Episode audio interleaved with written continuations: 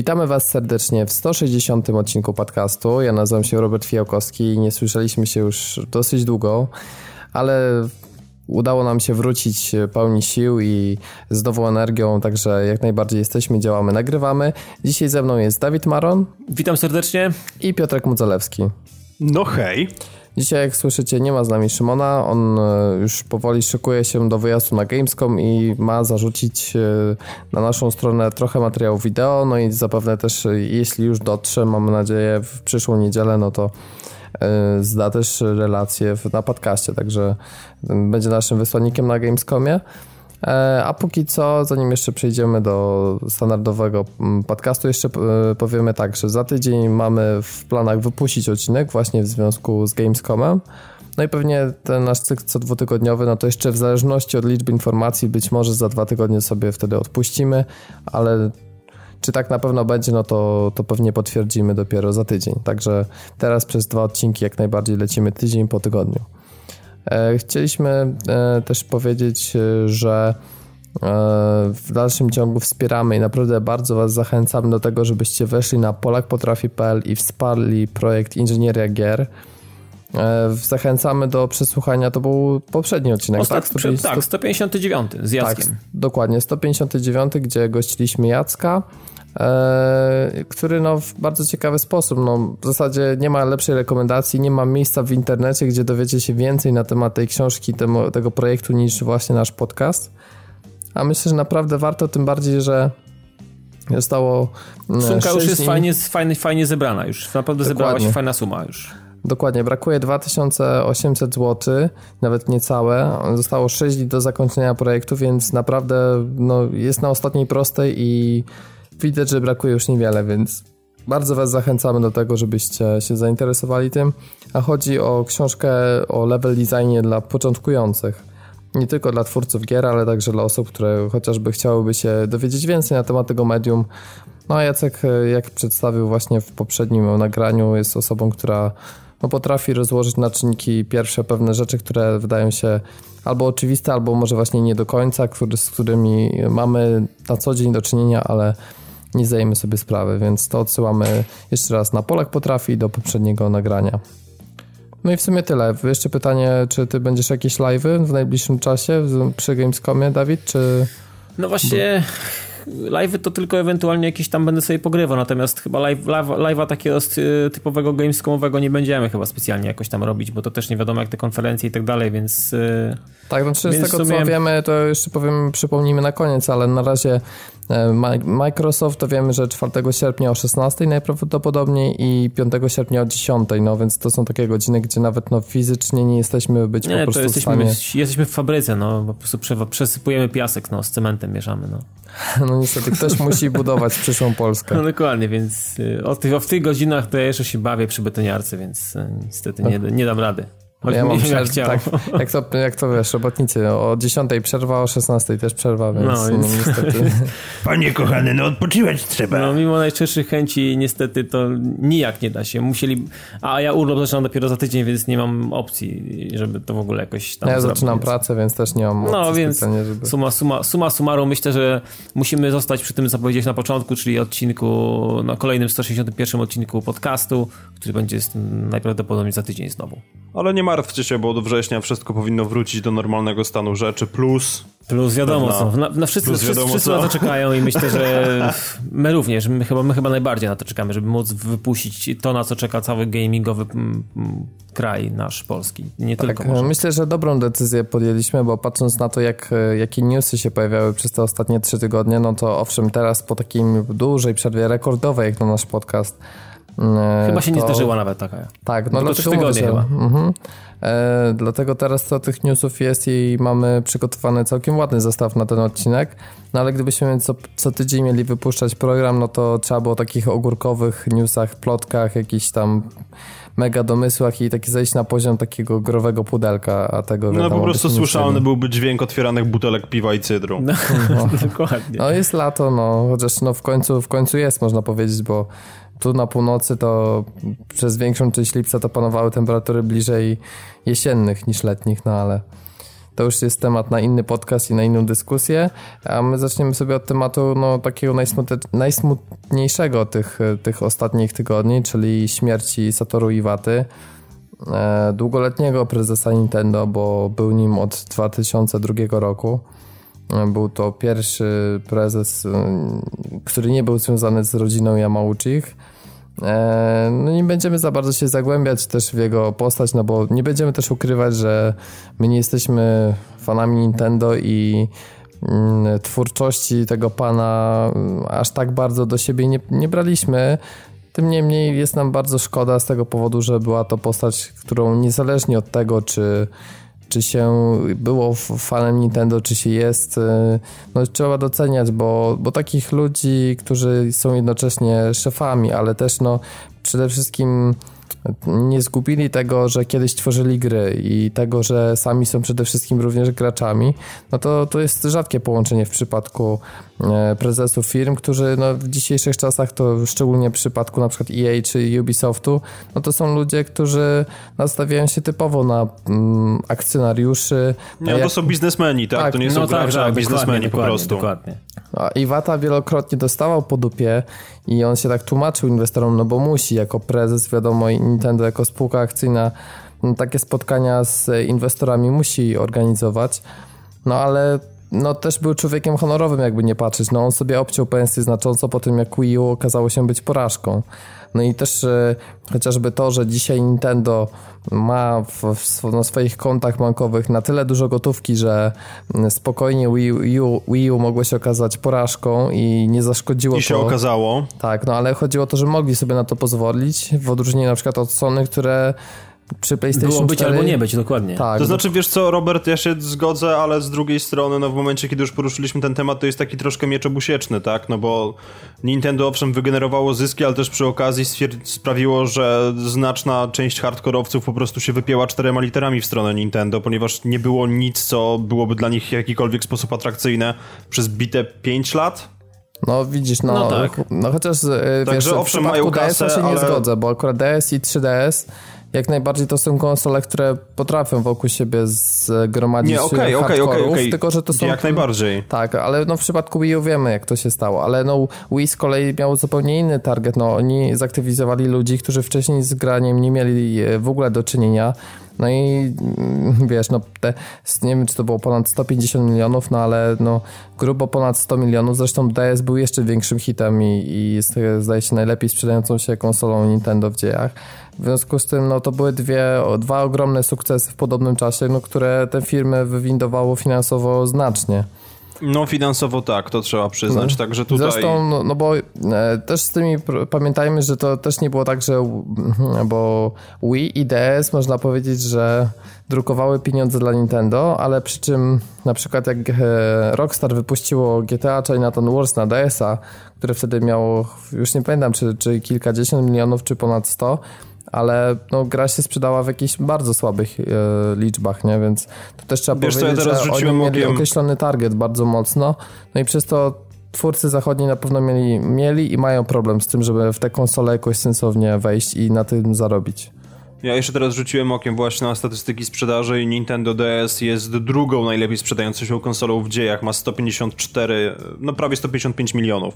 A co jest no pierwszą? to jest kosmos. PS2 157. No. Aha, rozumiem, nie, ale ja mówiłem, że najlepiej sprzedającą się w historii Nintendo, nie? Więc... No tak, tak, no to jak najbardziej, chociaż wiesz, tutaj Game Boy jest na drugim miejscu, 118 baniek. Mhm. No tak, ale to, pamiętam, no, że... jest. Pamiętam, że to była naprawdę bardzo e, ryzykowna, bo raz, że był ten koncept z dwoma ekranami, który taki wydawał się dziwny, a przede wszystkim wszyscy pukali się w czoło, że taka marka jak Game Boy, która e, no, zdefiniowała, można powiedzieć, granie przenośne i przecież tyle wyszło do edycji, które jedna za drugą okazały się hitami, a tu nagle Nintendo wyrzuciło markę do kosza i stworzyła DS-a. Przecież pamiętam, że na początku to wszyscy pukali się w czoło, w ogóle co to jest za nazwa, o co chodzi, dual screen, tutaj skrót taki, że to nie ma prawa się udać.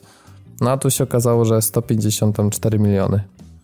No, gruby wynik. Znaczy generalnie i też wiek, w którym odszedł cały Iwata, to też, wiesz, młody facet w sumie, a już na... To jest dziwne, jak na, Azjatę, no, jak na Azjatę to już jest w ogóle młody typ, nie? No Więc, tak, no on miał jakiś tam problem chyba z rakiem woreczka rak, żółciowego rak, czy coś tak, takiego. Tak, tak, tak, No dlatego on w zeszłym roku opuścił E3 i dlatego wiemy skąd się wzięły też w tym roku na tym Direccie też maciane lalki, prawda, na początku. Ten cała inscenizacja, że, że właśnie mm, Miyamoto, Reggie i E, Satoru Iwata byli właśnie przedstawieni tak w takim formie jak Muppet Show, dlatego właśnie, że no pewnie były już w bardzo złym stanie i po prostu nie chcieli tego Mogło pokazać. Tak myślę, że to mhm. było wyjście z klasą i z pomysłem i myślę, że dobrze to zrobili, bo wtedy nikt nie mówił o, o tym, że są jakieś zdrowotne problemy, tylko wszyscy myśleli, że to tak dla żartu i że to takie wesołe i po prostu, że taka strategia PR-owa. Mhm. Przy czym, a co myślicie, jak już tak rozmawiamy o Nintendo, bo często się to nie zdarza w naszym podcaście, bo coraz więcej słyszymy tych plotek na temat NX-a i mm, nawet twórcy Project Cars, którzy zrezygnowali ostatecznie z wydania wersji na Wii U, powiedzieli, że oni wrócą do tematu, jak Nintendo wypuści NX-a. I słyszymy też plotki, że chociażby nowy Metroid, na którego myśmy z Piotkiem czekali, bo to jedna z... No ja dalej czekam. No tak, no bo jedna z niewielu marek, ale przede wszystkim też Zelda, która została niby pokazana, ale od tego czasu zniknęła i słuch o niej zaginął, też prawdopodobnie będzie przeportowana na NX-a. E, z tego co słyszałem też chyba nowy Dragon Quest. E, niby jest zapowiedziane tam, mam nadzieję, że, że nie mylę z Monster Hunterem, bo mi się te dwie marki mylą, ale zdaje się, że Dragon Quest został zapowiedziany na, na 3DS-a PS4 i niby też być może powstanie na NX-a, więc jest coraz więcej przesłanek, że w przyszłym roku Nintendo pokaże nową konsolę. No i kończąc przedługie pytanie, co myślicie na temat tego, co Nintendo może zrobić w przyszłości właśnie bez Iwaty, czy, czy to w jakiś sposób wpłynie? No i co może zrobić, żeby po prostu nie powtórzyć porażki e, Wii U? Dawid? Właściwie no, ciężko mi powiedzieć, bo tak naprawdę nie wierzę też w to, że e, przyjdą po nas, no. Po tych graczy, którzy e, nie chcą kucyków żygających tęczą i które wpierdalają herbatniki oblane czekoladą. Myślę, że myślę, że jeżeli nie zrobią, nie zrobią jakiegoś ukłonu w, w, taką naszą stronę, w tych hardkorowców, hardkorowców, o których mówiłeś, e, no to myślę, że dalej będą się kręcić jak takie, wiesz, e, nie chcę powiedzieć źle, główna w przeręblu, ale e, myślę, że nie stanie się nic specjalnego, jeżeli chodzi o Nintendo. Myślę, że powstanie kolejna maszynka, która będzie dla fanów, dla ludzi, którzy e, daliby się pociąć za tą markę i za wszystkie gry, które tam Ale taka strategia w Wii U nie, w przypadku Wii U nie działała. No ta konsola właśnie dopiero okay, no przebiła no ale, 10 ale, milionów. No okej, okay, ale widzisz, no to to, to, w, to, w niczym, to w niczym nie przeszkadza, żeby wypuścić kolejną może. Bo tak jak mówiłeś, oni mają na kontach jakieś dzikie Ale pieniądze. Ale nie wiesz, i... no Wii U, Nintendo na Wii U ogólnie jako platformie straciło pieniądze, więc yy, poza tym jeszcze dodaję, że Nintendo bardzo dużo pieniędzy wydaje na tworzenie gier, bo jako jedyni wydają praktycznie na swoją platformę. No tak. Wiadomo, że e, jak, jak spojrzysz na ich projekty, to brakuje znaczy Taki, powiem ci tak, takiego, Robert, osobiście ja tylko... nie wiem, co musieliby zrobić, żeby was zarobić na tej swojej maszynie. Nie wiem, co musiało się stać. Nie wiem, co musiało się stać. Nie musieli stonować, wiesz, na przykład... Yy, nie jestem sobie w stanie wyobrazić, jaką, jaką drogę musiałoby obrać Nintendo, żeby... Nie, ale to jest bardzo proste. Dawid, to jest bardzo proste. Zrobić maszynę, która będzie konkurencyjna względem 300, znaczy 360, One i PS4 i zrobić ją na tyle prosto, żeby zachodni deweloperzy stwierdzili, ok, pomożemy wam. I to jest wszystko, co muszą zrobić, naprawdę, bo w tym momencie ludzie się zabijają o to i wypadałoby, żeby jeszcze przy tym nie zatracili po prostu swojego własnego charakteru i dalej wydawali te wszystkie pizdowate Mariany i inne im podobne, ale jednocześnie też byli w stanie zaoferować coś, co byłoby atrakcyjne dla, dla graczy bardziej hardkorowych. No to ja w to nie wierzę. się trzymało tych swoich marek marek, ale cieszy jedno, bo ostatnio słyszeliśmy o tym, że Splatoon, ta ich nowa strzelanka. No tak, to jest akurat fajna rzecz. Półtora miliona, słuchajcie. Na konsoli, która ma 10 milionów sprzedanych egzemplarzy, zupełnie nowa marka w historii Nintendo. W dodatku na Nintendo sieciowy shooter, tylko sieciowy i ma półtora miliona, więc Wiecie myślę, co, ja to, to widziałem w zeszłym roku na PGA i to naprawdę było zajebiste. Nintendo miał bardzo fajne stoisko tam i ta gra się cieszyła ogromnym zainteresowaniem. Tak, i... No właśnie, ale to pokazuje, że ja mam nadzieję, że właśnie Splatoon to byłby taka zapowiedź, co Nintendo mogłoby zrobić, bo uważam, że oni za bardzo się zakręcili wokół tych swoich standardowych marek, przy czym no niektóre marki są eksploatowane bardziej, tak jak właśnie Mario, no Kirby na przykład, a niektóre mniej, tak jak właśnie Zelda ostatnio, czy Monster, e, czy Metroid e, które no już nowej odsłony dosyć dawno nie, nie, nie, nie wypuszczono, więc... Robert, ja nie mam nic przeciwko nowym markom i przeciwko temu, żeby oni się wreszcie ogarnęli i przestali tylko trzepać te kata Mario, gdzie masz hydraulika ubranego w kostium kota, ale z drugiej strony wydaje mi się, że, że niefortunne odejście jednego człowieka, który stał za sterem firmy po prostu tego nie zmieni. Ja jak najbardziej bym chciał. Ja bym chciał postawić sobie NX-a koło telewizora, grać w nowego Metroida, który de facto jest grą o zabijaniu kosmicznych pasożytów, ale z całym szacunkiem nie wierzę, że to się stanie. Mi się też tak wydaje. No moim zdaniem się stanie. Znaczy wydaje mi się, dlatego... że Nintendo ma teraz, będzie miał trudny, trudny okres generalnie, wydaje mi się. Znaczy moim zdaniem się Oni stanie... mają trudny okres od czasu wydania Wii U. No mają, tak, ale fakt. myślę, że dalej, ale, nie, ale, ale myślę, że właśnie śmierci Waty to spowoduje, że będzie jeszcze trudniej według Ale mnie. uważacie, że Nintendo, e, że stary Nintendo obejmie osoba, która będzie bardziej graczem i będzie nastawienie, że to gry muszą pociągnąć Nintendo, czy wzorem innych wszystkich firm trafi się gościu, który będzie po prostu specem od biznesu i nie wiem, i stwierdzą, że, bo to ostatnio te figurki Amiibo im robią masę kasy i że w ogóle, wiesz, wypuszczą jakąś konsolę, gdzie te figurki będą najważniejszą rolę pełnić, bo Robert, to ale ja nie bardzo... Kasy. Ja nie bardzo osobiście widzę po prostu w jaki sposób ktokolwiek, kto byłby biznesmenem i przyszedł na stanowisko Iwaty mógłby nie zauważyć, że chodzi o gry.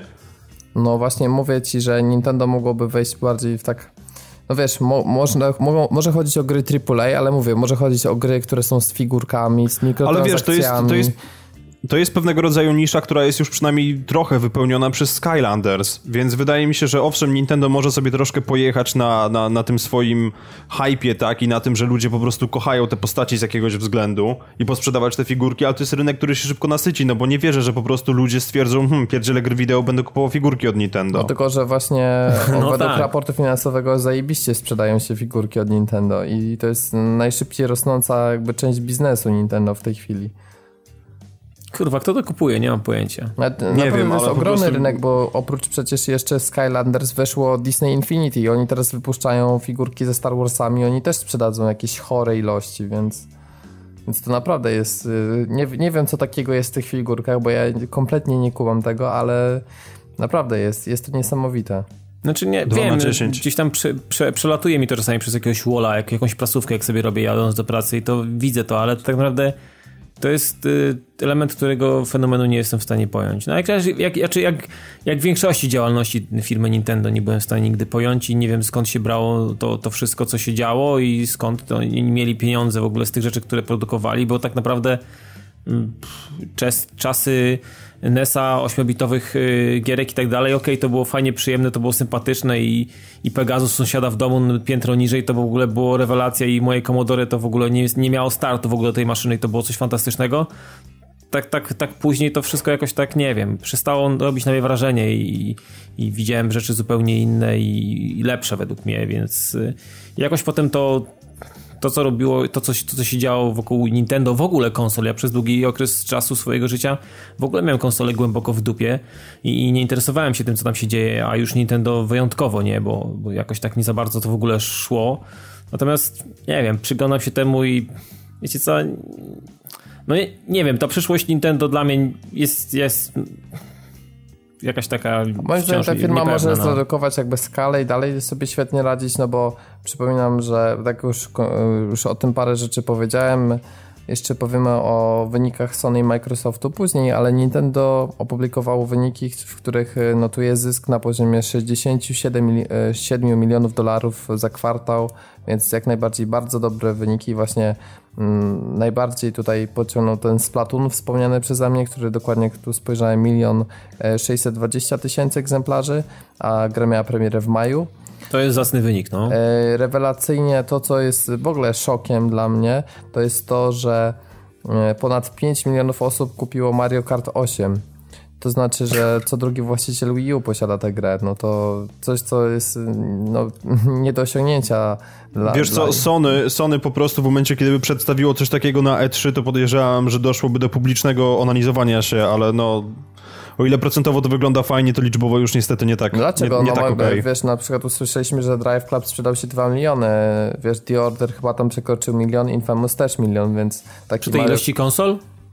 Dokładnie, więc tutaj Mario Kart 8 i liczba 5 milionów, więc moim zdaniem przypominam ci, No dobra, okej, okay, okej, okay, zwracam honor. Że na PS3 E, Gran Turismo chyba 5, który miał 9 milionów, to był najlepiej sprzedający się tytuł w ogóle w historii tej konsoli, nie? Więc tutaj masz, wiesz, konsolę, która ma 10 milionów i 5, moim zdaniem to jest zajebisty wynik, naprawdę, mega zajebisty. No ale to też jest, to jest też po prostu kwestia tego, jak specyficzna jest baza klientów Nintendo, więc no.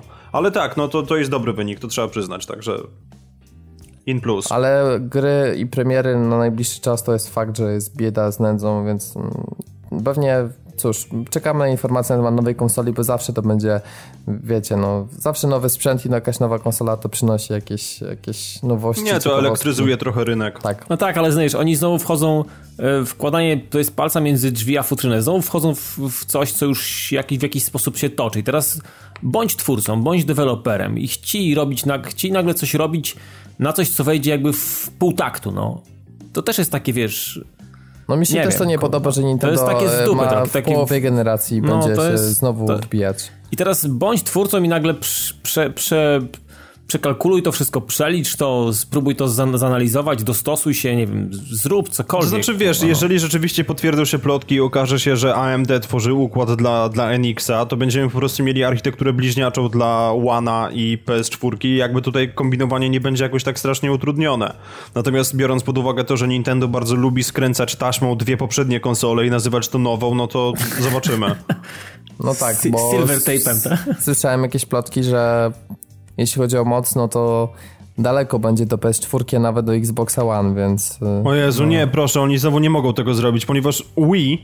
Wii było pierwszą chyba konsolą w historii, która wyszła w generacji jako ostatnia i była słabsza od konsol wydanych wcześniej.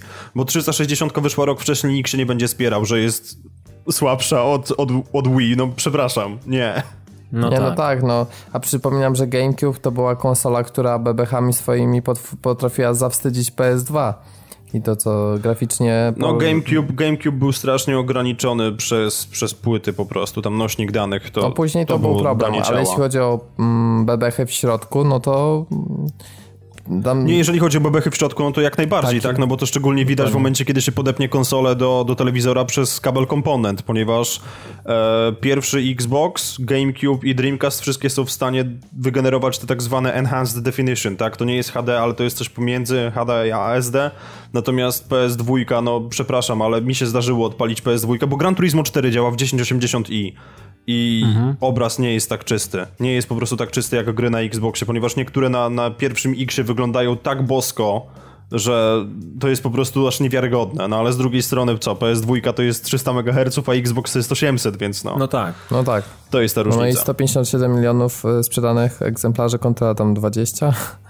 25, już nie pamiętam 23 chyba. Xbox, no ale dokładnie, więc no, nie moc jest najważniejsza, no to pokazała historia, no ale wsparcie, bo PS2 miała najwięcej gier, największe wsparcie od deweloperów i, a czasami tak jest jak z PS4, że po prostu konsola się sprzedaje i nie wiadomo dlaczego, ale do tego jeszcze dojdziemy. Nikt nie wie dlaczego. No to o tym jeszcze porozmawiamy na Tak, ale najpierw sobie porozmawiamy na temat nowego Battlefielda, który e, ma rzekomo według jej wyjść w 2016 roku, dlatego że mm, tą strzelanką flagową, tak to nazwijmy, na tegoroczny okres e, jesienno-zimowy jest oczywiście Battlefront, mm, który też jest przecież e, produkowany przez DICE'a.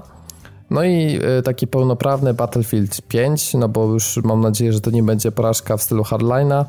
E, o nim właśnie powinniśmy usłyszeć jakoś e, w, pewnie w okolicach e, targów E3 w przyszłym roku. Pewnie jakąś z betą na jesieni i z premierą pod koniec 2016 październik, listopad, roku. no standardowo i tak mniej więcej zawsze, zawsze w tym okresie wypuszczany. Najczęściej Tylko to był październik. Powiem właśnie. Ci Dawid tak, że dla mnie marka Battlefield i to co się ostatnio działo powoduje, że tak jak na Bad Company 2 czekałem mega i byłem niesamowicie zajarany. Później to też się przyniosło na trójkę, no bo jakby ilość godzin spędzona w Bad Company 2 spowodowało, że wszystko co no, na, na temat tej marki... no, mhm. Ale i tak, przed premierą, zanim jeszcze zagrałem, no byłem mega podjarany, ponieważ no tyle godzin zagrałem w Bad Company 2, więc jak usłyszałem, że jest nowa odsłona Battlefielda, no to siłą rzeczy się zainteresowałem. Tym mm. bardziej, że pamiętasz, jak wyglądały trailery tej gry. Później na Nie, no jasne, jasne, gra jasne, oczywiście, oczywiście wyglądała tak. dużo, dużo gorzej. No, ale później jakoś od czwórki zobaczyłem, że to wiele od trójki się nie zmienia. Później jeszcze wyszedł ten hardline beznadziejny. To już teraz to, że wychodzi nowy Battlefield, czy mnie to tak interesuje? Powiem szczerze, Znaczy- że to tak... znaczy- znaczy, jak wiesz, jeszcze no- zobaczę, że setting jest ten sam, który będzie w trójce i czwórce, to w ogóle jakoś tak... Nie, będzie inny, Robert, będzie inny. Będą teraz, kurwa, egzoszkielety, będzie skakanie po ścianach. Zobaczysz, Wiesz taki co, będzie a ja bym- Battlefield 4, zobaczycie, a 5. Taki Jeżeli będzie. to będzie Battlefield, nie wiem, jakiś, jakiś remake, czy unowy, czy nowoczesna... 2143. Właśnie chciałem powiedzieć, że jeżeli to będzie nowoczesna wersja To 2142, to jest czy śmierć jakkolwiek marki ją już, to, to jest śmierć. To będzie śmierć marki, ale oni mogliby pójść, wyjść naprzeciw po prostu wszystkim tym, którzy robią jakieś futurystyczne bzdety, patrz nowe Call of Duty, które wygląda idiotycznie i zrobić jakiś taki hardkorowy drugowojenny shooter. I zdaję sobie sprawę, że to by się pewnie nie sprzedało tak dobrze ze względu na to, że pukawki w multi by nie były takie ach i och, że nie byłoby pierdyliarda perków, ale to byłby Battlefield, którego ja byłbym naprawdę w stanie kupić i z przyjemnością bym w niego zagrał. Dokładnie, Ja myślę, tak. że- Druga wojna. Albo Ja nawet, nawet- Wietnam, wrócić do Wietnamu. Albo nawet Wietnam. Znaczy ja wydaje mi się, że gdyby tak się stało, jak powiedziałeś, gdyby, gdyby wróciły normalne, normalne karabiny, normalne, normalny sprzęt, normalny jakiś konflikt, który znamy z historii, e, ja, ja śmiem stwierdzić, że to by się nawet sprzedało i to by, to by mogło nawet na siebie zarobić. Tylko na to jest potrzebny jakiś konkretny, sensowny pomysł i, i wiecie, nie zrobienie tego na odpieprz i nie zostawienie tego tak jak został Bad Company też dwa zostało gdzieś tam porzucone w jakimś, w jakimś fragmencie i, i zajęli się Battlefieldem trzecim i Bad Company mimo tego, że do dzisiaj grają tysiące graczy e, na serwerach 360, PS3 i PC. Na PC coraz mniej zdecyd- zdecydowanie, ale na przykład konsolowe wersje cały czas to są, to są tysiące graczy, które są w, w instant e, podłączeni do, do serwerów E, i wydaje mi się, że to trzeba, to trzeba dobrze zrobić, to trzeba zaplanować, bo to też można pogrzebać, nie? Taki, taki, taki pomysł. Ale wiesz co, też no. wszystko zależy po prostu od tego, kto za tym stoi, bo EA jakoś tak ostatnio jak patrzę na ich decyzje, to pierwszą sensowo naprawdę bardzo, bardzo dawna jest ten nowy Need for Speed, który wygląda undergroundowo, ale mamy Mass Effecta Andromeda, który ma po prostu być, no nie wiemy jeszcze czym ma być, podczas kiedy w kanonie Mass Effecta, w tym właściwym kanonie, od lat po prostu, od pierwszej części leży te First Contact War z Turianami i ja dałbym sobie rękę uciąć po prostu za grę, która byłaby os- osadzona w tych realiach, która by eksploatowała właśnie ten konflikt, byłyby wysyłanie po prostu atomówek gdzieś w kosmos, bo nie wiemy co nas atakuje, to by było fajne, jakieś misje zwiadowcze, a oni po prostu nas wypierdzielili do zupełnie nowej galaktyki i cześć, bawcie się, to nie jest Mass Effect, bo nie ma nic wspólnego z Mass Effectem, ale nazwiemy to tak, bo to nasza Tak, marka. bezpiecznie. To samo jak było z Bioshockiem Infinite. No, A słuchajcie, pomysł na... Akurat Bioshock Infinite to przecież ma bardzo duże powiązania fabularne, więc myślę, że to nie jest dobry przykład, bo przecież pamiętamy nie, jak... No to, Znaczy- to w DLC było. No, właśnie. generalnie wydaje mi się, że mog- ta gra mogłaby się nazywać inaczej zupełnie i nic by się nie stało. Tylko No, moim zdaniem wtedy już mniej sprzedać. No. No tak, a moim zdaniem akurat obronili się tym DLC-kiem, tym ostatnim szczególnie. trochę tak, trochę tak, trochę tak. I zakończeniem jedynki, znaczy tego Infinita. E, no ale wracając, e, moim zdaniem można by ciekawie zrobić e, drugowojenny shooter, bo oczywiście powrót do tego, co było te dwie, trzy generacje wstecz nie jest już możliwy, bo gry muszą być bardziej efektowne. No ale e, flagowym mechanizmem Battlefielda jest ten system Levolution, e, który powoduje, że te wszystkie nasze mapy zaczynają się w jakiś sposób zmieniać. To dlaczego nie można by tego fajnie wykorzystać, żeby na przykład e, mapa się zmieniała jako, nie wiem, kolejny etap w jakiejś bitwie, że żeby te mapy multiplayerowe były odzwierciedleniem jakichś prawdziwych wydarzeń w trakcie II wojny światowej i na przykład jeśli dana drużyna wygrywa nad drugą, no to wiesz, coś się dzieje na przykład. Otrzymuje że- jakieś wsparcie. Tak, że na przykład tak. jakieś, załóżmy, że walczymy gdzieś nad jakimś rzeką i wtedy ktoś wysadza mosty i wtedy musimy się jakoś przeprawiać na przykład, albo nie wiem, ta wygrywa e, strona, no to dostaje wsparcie z powietrza i gracze mogą teraz w większą liczbę samolotów się wcielić, albo na przykład e, zapada noc i załóżmy zmienia się, wiesz, widok na mapie i teraz musimy walczyć inaczej, prawda?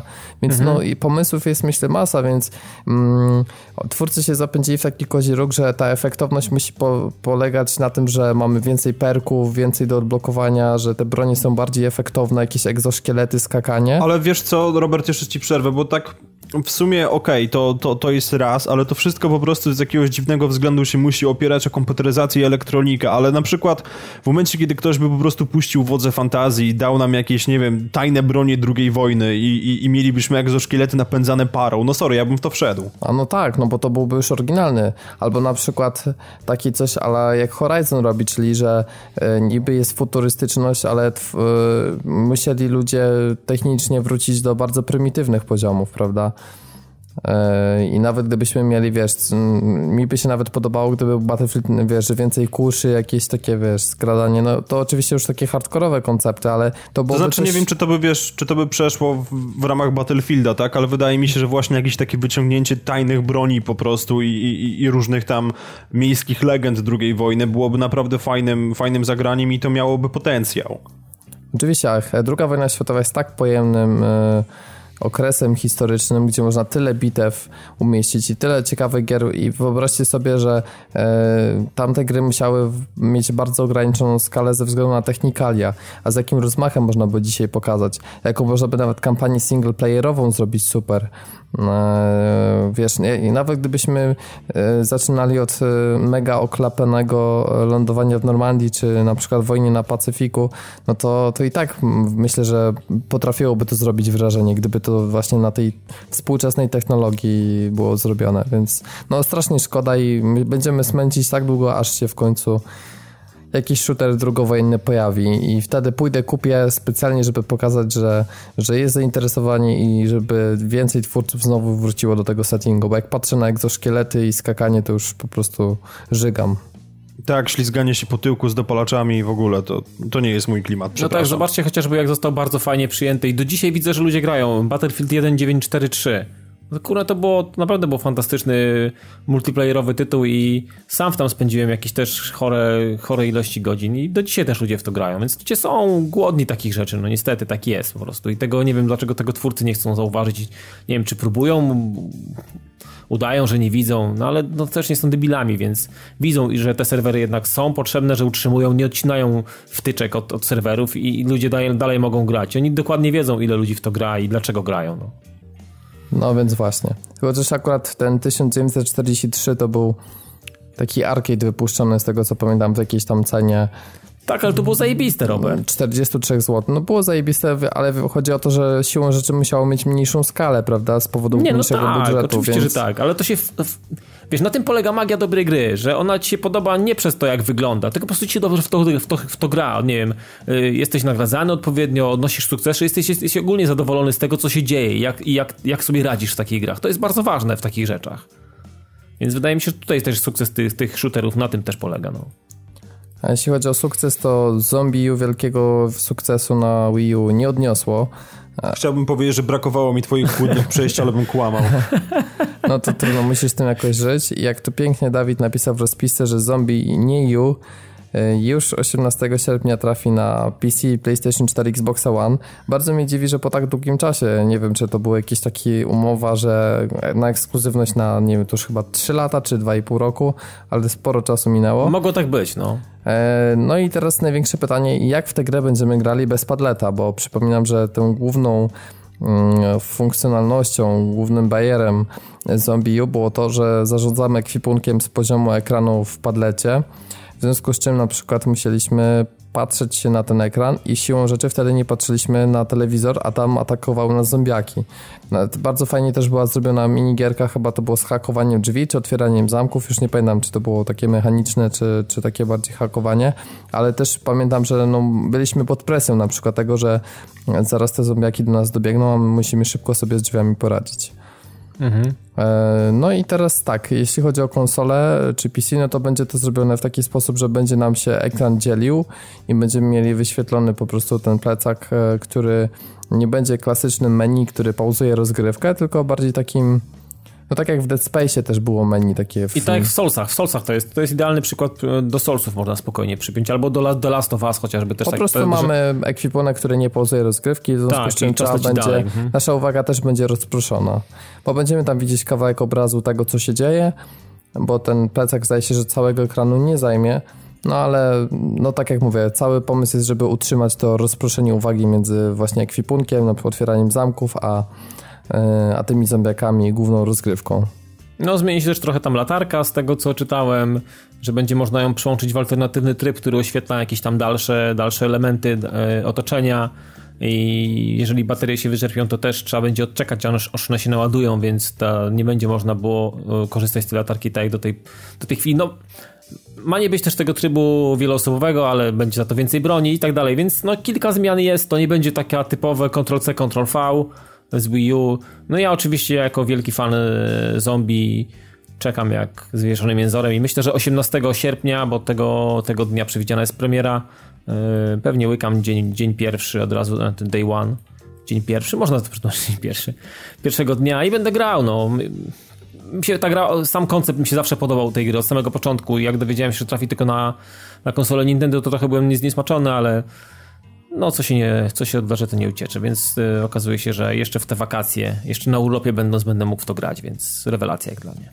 Jak dla mnie to większość osób po prostu powie, że nikogo i tyle. Jestem ciekaw, jaka będzie cena, bo to też nie wiadomo. No, myślę, że gdyby wypieprzeli 229, to... nie, no na to to nie.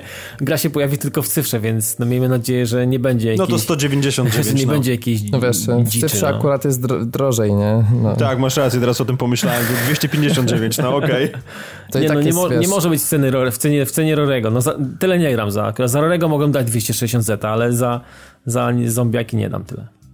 Ale ciekawe, ile dadzą e, posiadacze PlayStation 4 za Rise of the Tomb Raider, które no tyle, ile, i cena, tyle, ile będzie kosztował Xbox, no. Tyle no, będą musieli dać. No, albo odczekać równo rok, e, bo jak zostało ogłoszone, to właśnie na tyle Microsoft sobie podpisał lojalkę, że e, gra się nie pojawi, przy czym to nie dotyczy PC, bo gra na PC ma już trafić wiosną. E, natomiast no, na E3 będzie to pewnie ogłoszenie dokładne i tam cena poznana.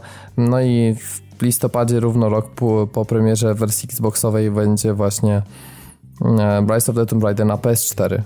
I teraz opcje są dwie, bo słyszałem te plotki, że albo będzie bez DLC-ków i wtedy 40 dolarów, żeby tak nie wkurzać ludzi, że po roku mają zapłacić za pełną cenę, albo będzie pewnie 60 dolarów jakaś wersja Definitive z Season Passem, wszystkimi patchami, poprawkami, jakimiś tam dodatkami. Zobaczymy. E, moim zdaniem to jest e, przede wszystkim takie, ci wszyscy, którzy mają też PC i konsolę, no to na pewno na przykład PS4 i PC to na pewno sobie pograją wiosną na PC i Pewnie ten tak, argument, no. żeby kupić konsolę odpadnie. I ja osobiście bardzo się dziwię, że to wypłynęło już teraz, bo mi się wydaje, że ogłoszenie tego spowoduje, że mniej osób kupi Xbox One dla tej gry po prostu, bo będą wiedzieli, że na 100% wyjdzie na PS4 i że mogą poczekać. No w sumie też prawda.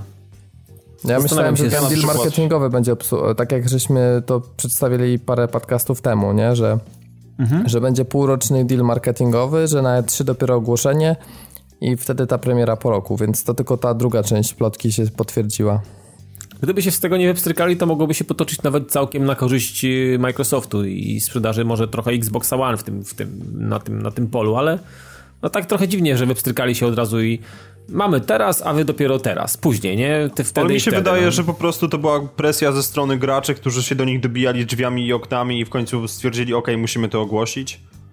No bo jednak ten, ten shitstorm, który się wygenerował w zeszłym roku po tym, jak no na był, Gamescomie był, zostało i to, to się ogłoszone. ciągnęło no to... i ciągnęło, to przecież trwało tak naprawdę. No właśnie. Także to może po prostu taki mały damage control ze strony Square Enix. No ale to jakoś tak dziwnie późno. No, moim zdaniem w najgorszym możliwym momencie, bo gdyby to powiedzieli jeszcze od razu, no to i tak chyba nikt nie kupił, nie wiem, Xbox One w przeciągu ostatnich dwóch miesięcy, bo wiedział, że jeśli nie będzie Tomb Raider. No myślę, że to nastąpiłoby jednak bliżej premiery. No w sumie tak. To też takie trochę nie, nie, nie, niezasadne, no. Dlaczego no miałbyś albo, teraz? Albo powinni powiedzieć od razu, już przy ogłoszeniu, że czasowe XI na PlayStation 4 po roku i wtedy jakby ludzie od początku by sobie w głowach przekalkulowali, czy, czy ten rok jest warty czekania, Wiesz, może czy, też Robert nie wie, sami, też nie wiedzieli może jak to będzie. Jeszcze może dogrywali jakieś rzeczy jeszcze. HGW, no. Nie wiem, ale oni się też tłumaczyli, że Microsoft wsparł e, tą produkcję bardzo mocno finansowo i że oni nie byliby w stanie e, na tyle zamknąć budżet, żeby zrobić e, tak efektowną grę bez, bez wsparcia MS-u i dlatego właśnie zdecydowali się, bo no otwarcie powiedzieli, że taka pucha im się bardzo przydała w produkcji i że no wiesz, to, to akurat nikogo nie dziwi, lepsza. Nie? No, Więc pewnie, że tak. No, pytanie, czy dziwić im się, czy nie. No. Ja się dziwię Microsoftowi, że bo jednak ta kasa, którą oni zainwestowali w Tomb Raidera, który i tak trafi na inne konsole, może, mogła pójść w jakiś tytuł, który na 100% by się pojawił ekskluzywnie na MS i może zrobić jeszcze jakiegoś Dokładnie, ekstra, o, tym samym, o tym samym pomyślałem. Tak więc naprawdę... moim zdaniem to akurat, wiesz, ja się nie dziwię Square'owi, znaczy, może się nie ale się dziwię w ogóle na nic. Tak, tak. Może się w ogóle na, na nic, te, ten wydatek Microsoftowy na nic się nie przełożyć, więc tak naprawdę, no tak, taka ryzykowna trochę zagrywka, no. Zobaczymy. Lepiej, lepiej na przykład jakby, nie wiem, wsparli coś, co Quantum chociażby, może tam gdzieś by mogli to, to w jakiś sposób... Albo na przykład Alan Wake 2 ogłosić, to wiele osób naprawdę no, O, albo coś takiego, albo coś takiego, więc... E, o, ja to bym wpierdzielał jak złe. No właśnie, więc... Drugiego Alana... Uh. Znaczy, no, też poproszę Lary jest. Sabian, żeby z, Lary, z, Lary, z Lary jako tako cieszę się, no mam nadzieję, że...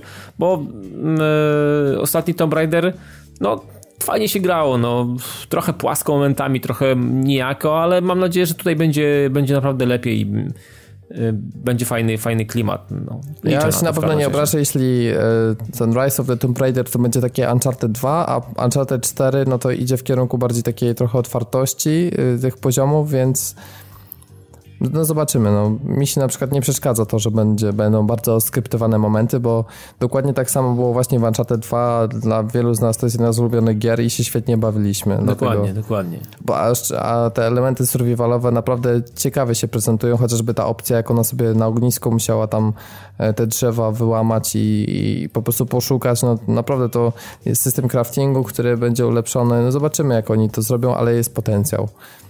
No jest szansa, że to tak będzie, będzie fajnie Tomb Raider, nie tak jak ostatnio. No.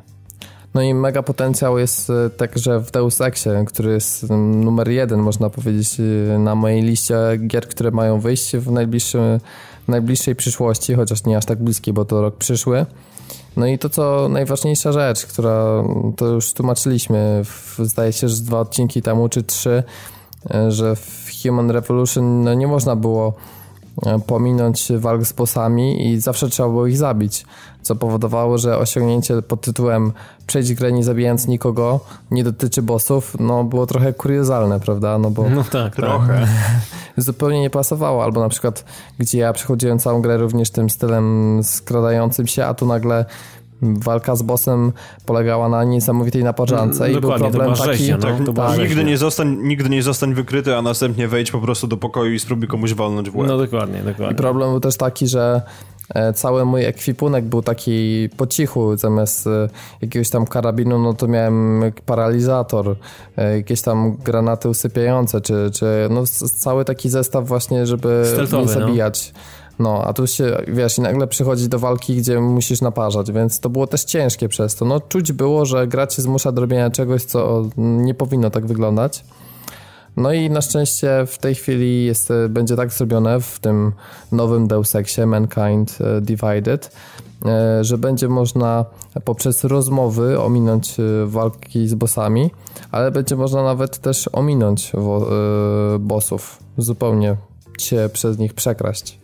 Znaczy to, to będzie na zasadzie, że będzie, będzie zamknięta furtka, nie będzie można na przykład do tego, do tego wrócić?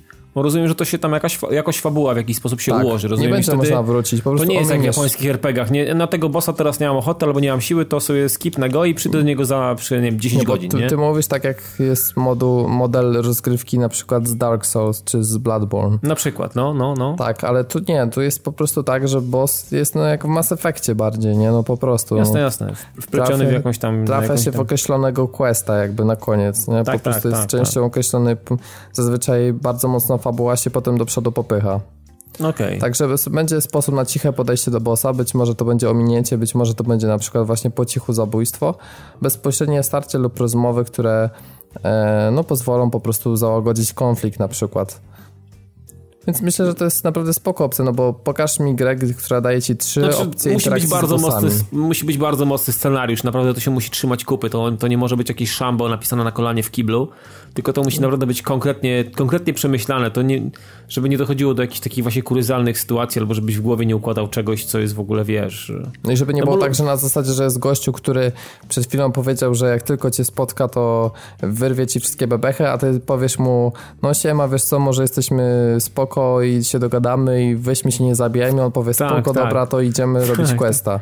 I no, no, właśnie chodzi o to, żeby to nie były takie banały, nie? Takie, żeby to nie było takie banalne, jakieś takie mydlana, mydlane, jakieś takie, no zgadza się, zgadza się, absolutnie.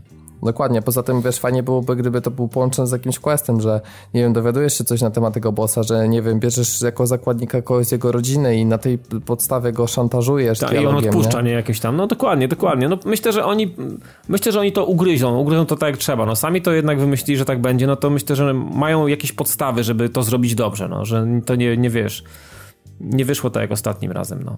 Że to robiła jakaś firma zewnętrzna i wyszło jak wyszło, no. To teraz czas na mały kącik ekonomiczny. Już powiedzieliśmy o Nintendo i ich wynikach finansowych, a w podobnym czasie jeszcze usłyszeliśmy o Sony i o Microsoftie. To najpierw o Sony.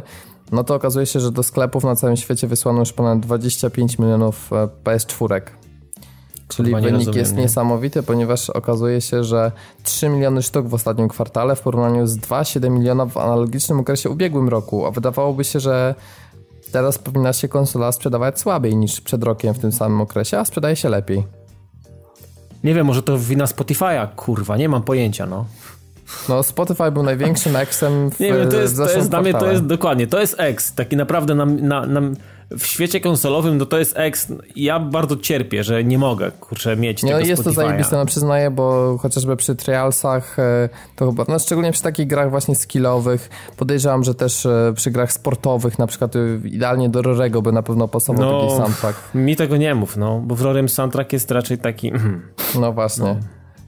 Wiadomo, że są przykład... gry tak jak The Order, które ostatnio ogrywałem, że no tam soundtrack jest tak genialny, że w życiu bym nie, nie, nie profanował tej gry słuchaniem jakiejś własnej muzy, ale no Drive Club już z kolei, no to no, samochodówki idealnie się nadają do własnej muzy, jeśli nie mają aż tak mocnego soundtracku, a Drive Club to w ogóle nie ma soundtracku, więc tym bardziej jakby tutaj Ale wiecie co, może, może to jest opcja może, zasadna. Może to jest pokłosie tego, że Sony tak bardzo mocno i, i to dla ludzi widać jednak ma znaczenie. Te wszystkie, wiecie, to wszystko obtoczone jest tą, tymi wojenkami konsolowymi, tą mocą tych konsol, że to najsilniejsza konsola. Ja myślę, że to jest pokłosie tego, tego prania mózgu, które trwało miesiące, trwa nawet już lata w tej chwili.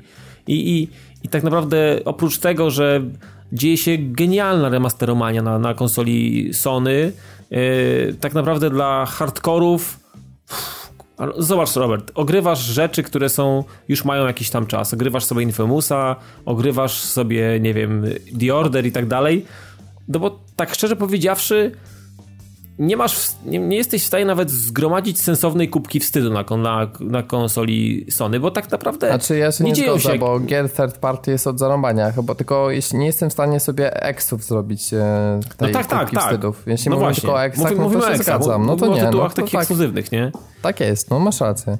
No, Więc... no ale z drugiej strony, wiesz, no problem tych, e, tych gier jest taki, że one wszystkie mają ciekawe pomysły, tylko wszystkie są zmarnowanym potencjałem. No ja w Bloodborne nie grałem, to jest jedyna gra ekskluzywna, która ma te bardzo wysokie oceny. No ale wszystkie pozostałe eksy, no to, to, to wiesz, no jest gdzieś w tym ciekawy pomysł i ciekawe y, różne implementacje ludzi, którzy widać, że mają web na karku i potrafią świetne rzeczy zaprojektować, ale jak się patrzy jako paczkę, jako całość, no to czegoś brakuje po prostu. No ale z drugiej strony to też podobnie jest w przypadku Microsoftu, nie? No bo oczywiście no tak. poza Forza Horizon 2, która no wyszła im zajebiście.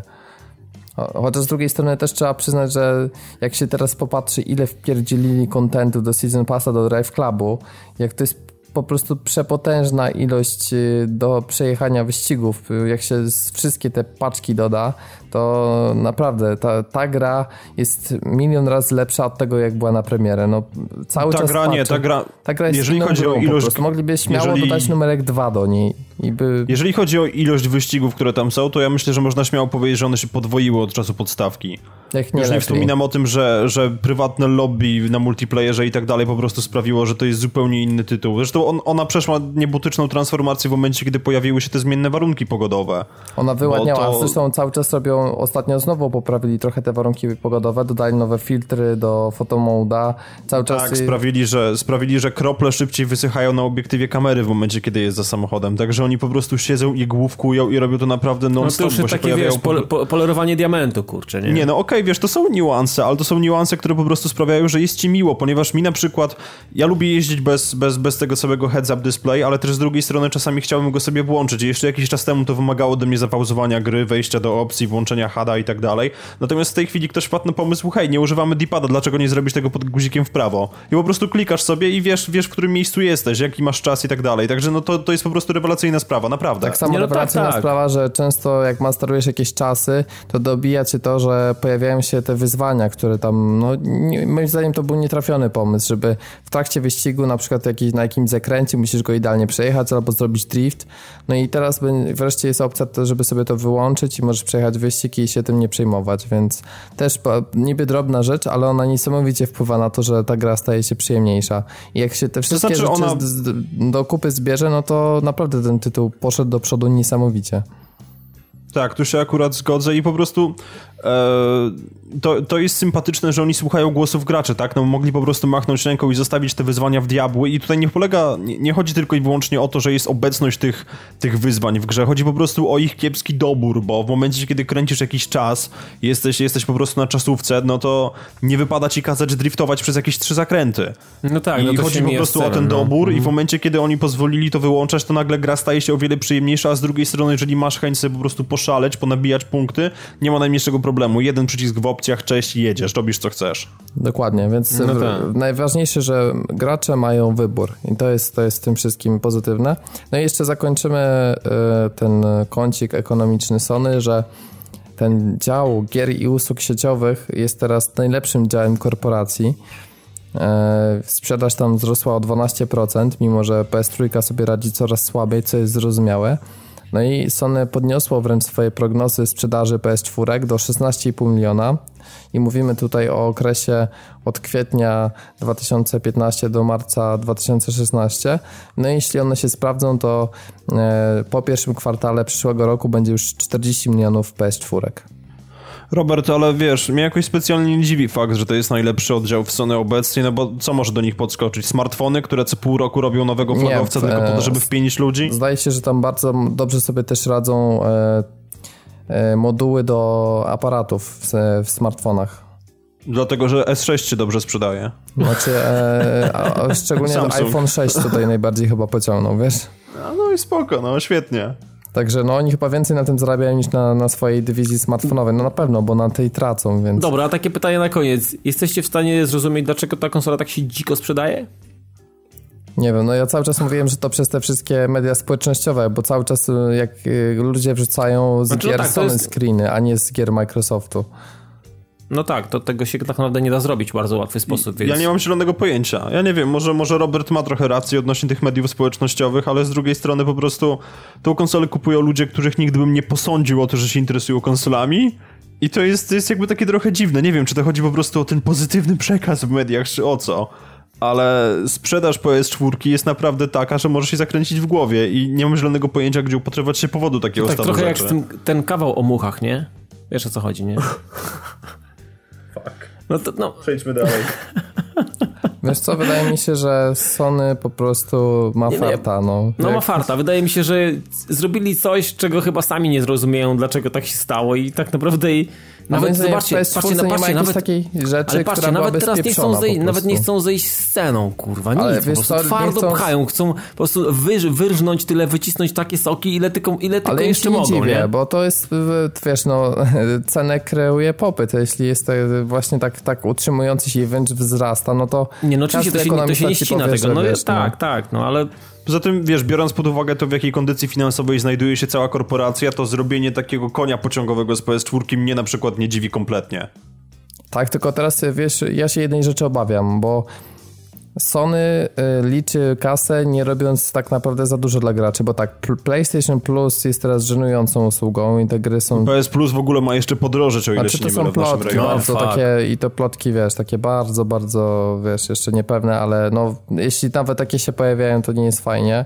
E, Mam niby ten dobór gier być, ale to pewnie będą jakieś mm, trzy indory Ale no do tam wyboru. były jakieś przykładowe, właśnie były jakieś przykładowe gry, na które niby można głosować i na tych screenach to, co się pojawiało, to była bieda z nędzą razy trzy, więc no jeżeli będziesz mógł zdecydować, jak bardzo biedny jesteś w tym miesiącu, no to wow, super, naprawdę gratuluję.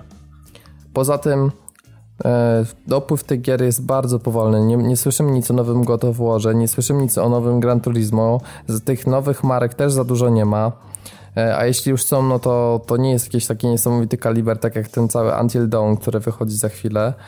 E, no cóż, cały czas czekają na Uncharted 4. To jest, to jest szok, że oni opyli o, no, 25 no Man's Sky też nic nie wiemy.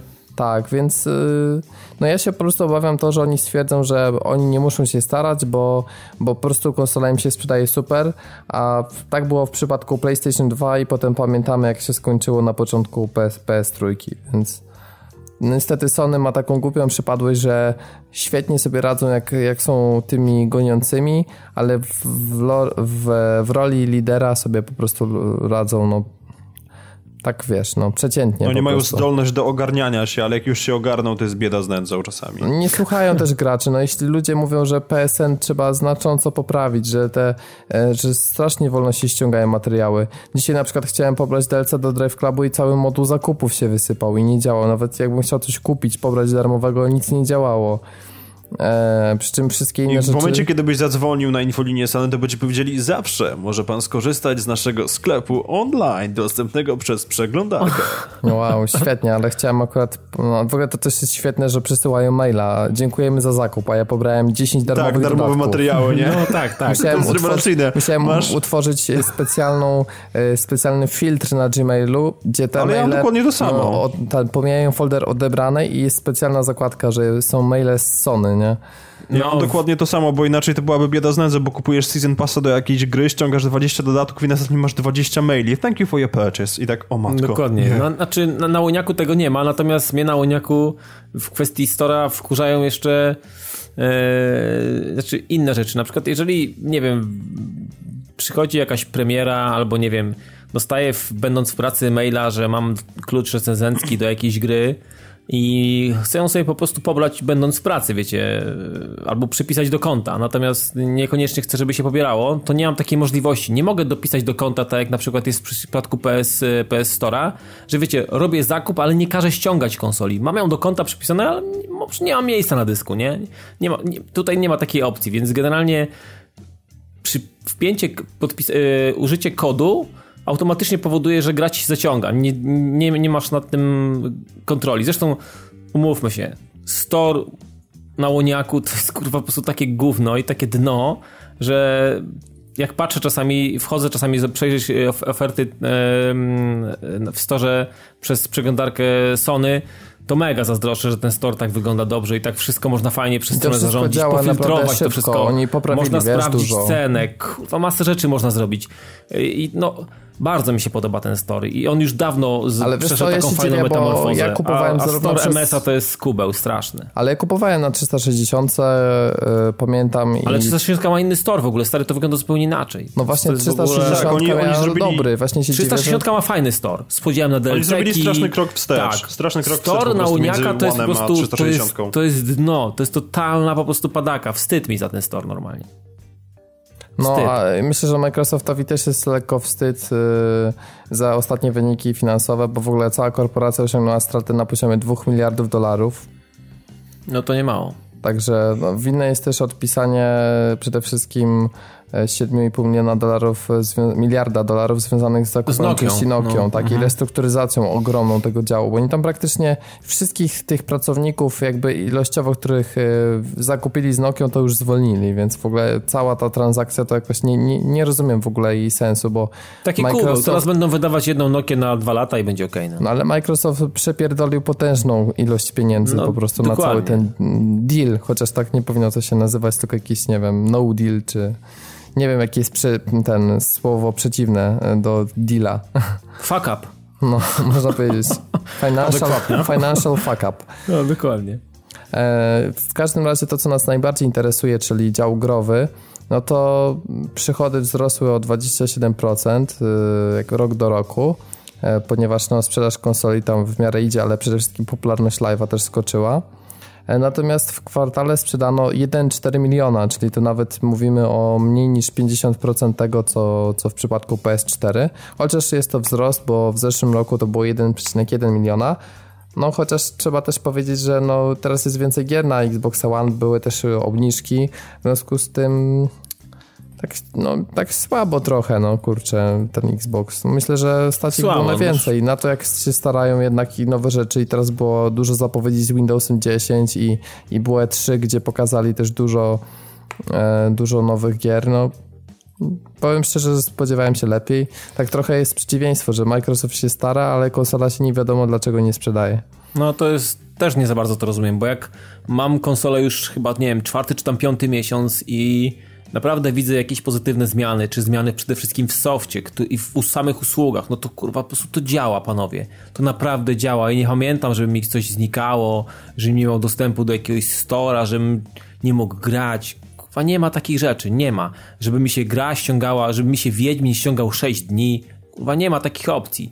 Wiedźmina puściłem o nie wiem, 14 z pracy 30 gigsów, czy ileś tam, ile, tego, ile tam tego było, wszystko było zainstalowane jak wróciłem do domu, po prostu to działa wszystko pod maską, jest naprawdę super, natomiast no to dalej się nie sprzedaje, tak jak mówisz, no po prostu z jakichś tam powodów to się nie sprzedaje i, i, i nie wiem, myślę, że ludzie, gracze mają z tyłu głowy to, że jednak e, słabsza konsola, ale no nie wiem, no w jaki sposób, jak y, to, ten smród, nie wiem, czy po Matriku jeszcze, kurwa, się ściągnie jakiś smród może. To są jakieś taki, wiecie, taki splot różnych takich niefajnych po wydarzeń. jakoś Xbox 360 był jakiś, w jakiś sposób taki cool i fajny, a Xbox One mimo, że jest pod wieloma względami lepszy, no nie jest po prostu. No, i, ale powiem wam osobiście, ta konsola naprawdę nie jest złą konsolą, natomiast... Yy, ale nie jest aż tak udaną jak poprzednik, no można to no, powiedzieć.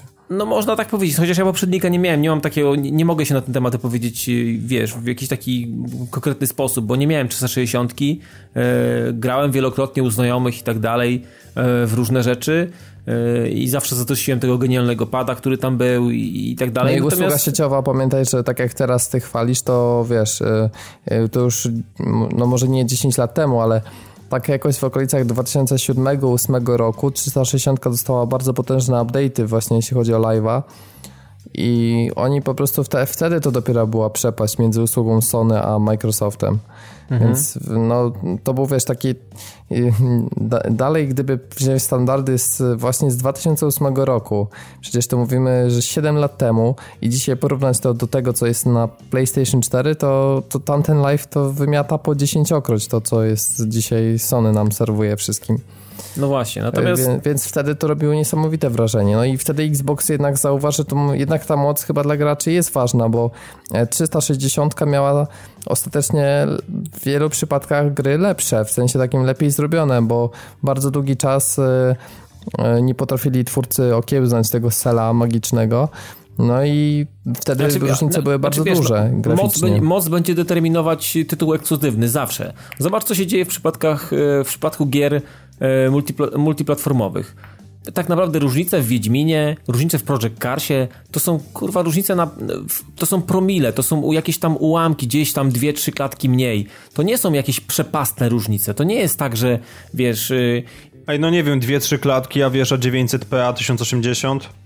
Stary, no musiałbym mieć oba, oba ekrany zestawione ze sobą. Nie jestem w stanie Ale wiesz, tego, no stabilniejszy wiesz... framerate jednak to wyłazi znaczy, na tych analizach nie, Digital Foundry, więc no... No właśnie, oczywiście. analizach, ale mówimy oczywiście o takim tak, graniu. Ale wiesz co, strony... graj, na jednym, graj na jednym tyle, przyjdź do mnie, zagraj w Destiny na, na łoniaku. I jestem ciekawy, czy będziesz, kurwa, nagle powiesz, ole mnie oczy bolą, bo tutaj, nie wiem, ząbki mam gdzieś tam, albo nie wiem... To tak się mówi, wiesz, Piotrek, ale gdybyś miał dwa monitory, dwie konsole i miał odpalone grę w tym samym czasie, to wtedy wierzę, widzisz te rzeczy. Natomiast y, powiem ci, widziałem Destiny na PS4, wi widzę Destiny u siebie i powiem ci, te gry są kurwa identyczne dla mnie. Ale wiesz co, wydaje mi się, że też może inaczej. Grałeś w Destiny na starej generacji? Nie.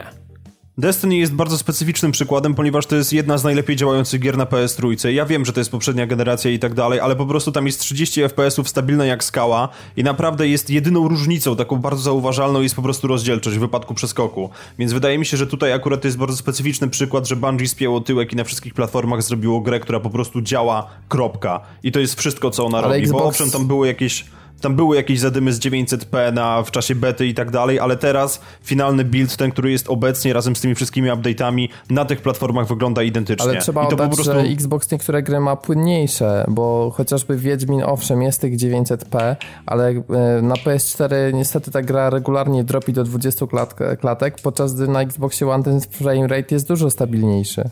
A więc teraz kwestia wyboru, tak? Chcę mieć Full HD no, z dropami albo 900 bez dropów. No i teraz no no ja osobiście no. wolałbym, żeby wiesz, y, było stabilne 30 klatek, no bo y, teraz czekam na patcha do Wiedźmina już 1.08, on ma niby znowu poprawić y, wydajność. Tak, bo 1.07 no, popsuł mocno to wszystko, pozjeżdżało wszędzie, wszędzie pozjeżdżało.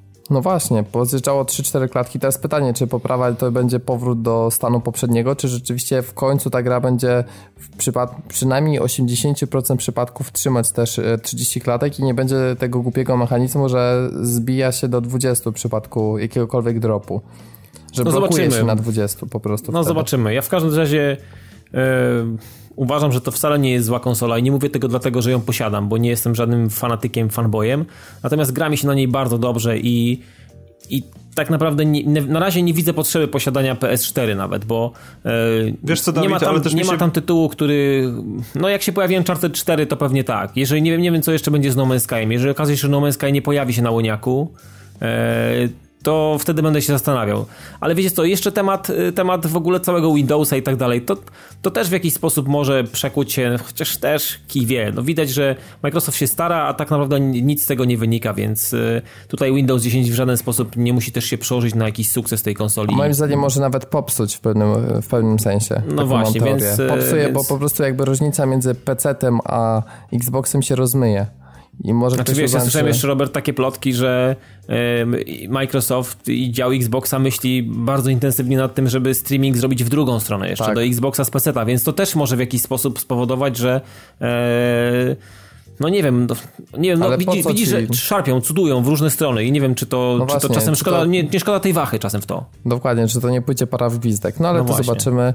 Jeszcze na koniec e, informacji to coś, co mnie najbardziej cieszy, czyli zostało oficjalnie potwierdzone, że Mafia 3 istnieje i że na Gamescomie dostaniemy zapowiedź.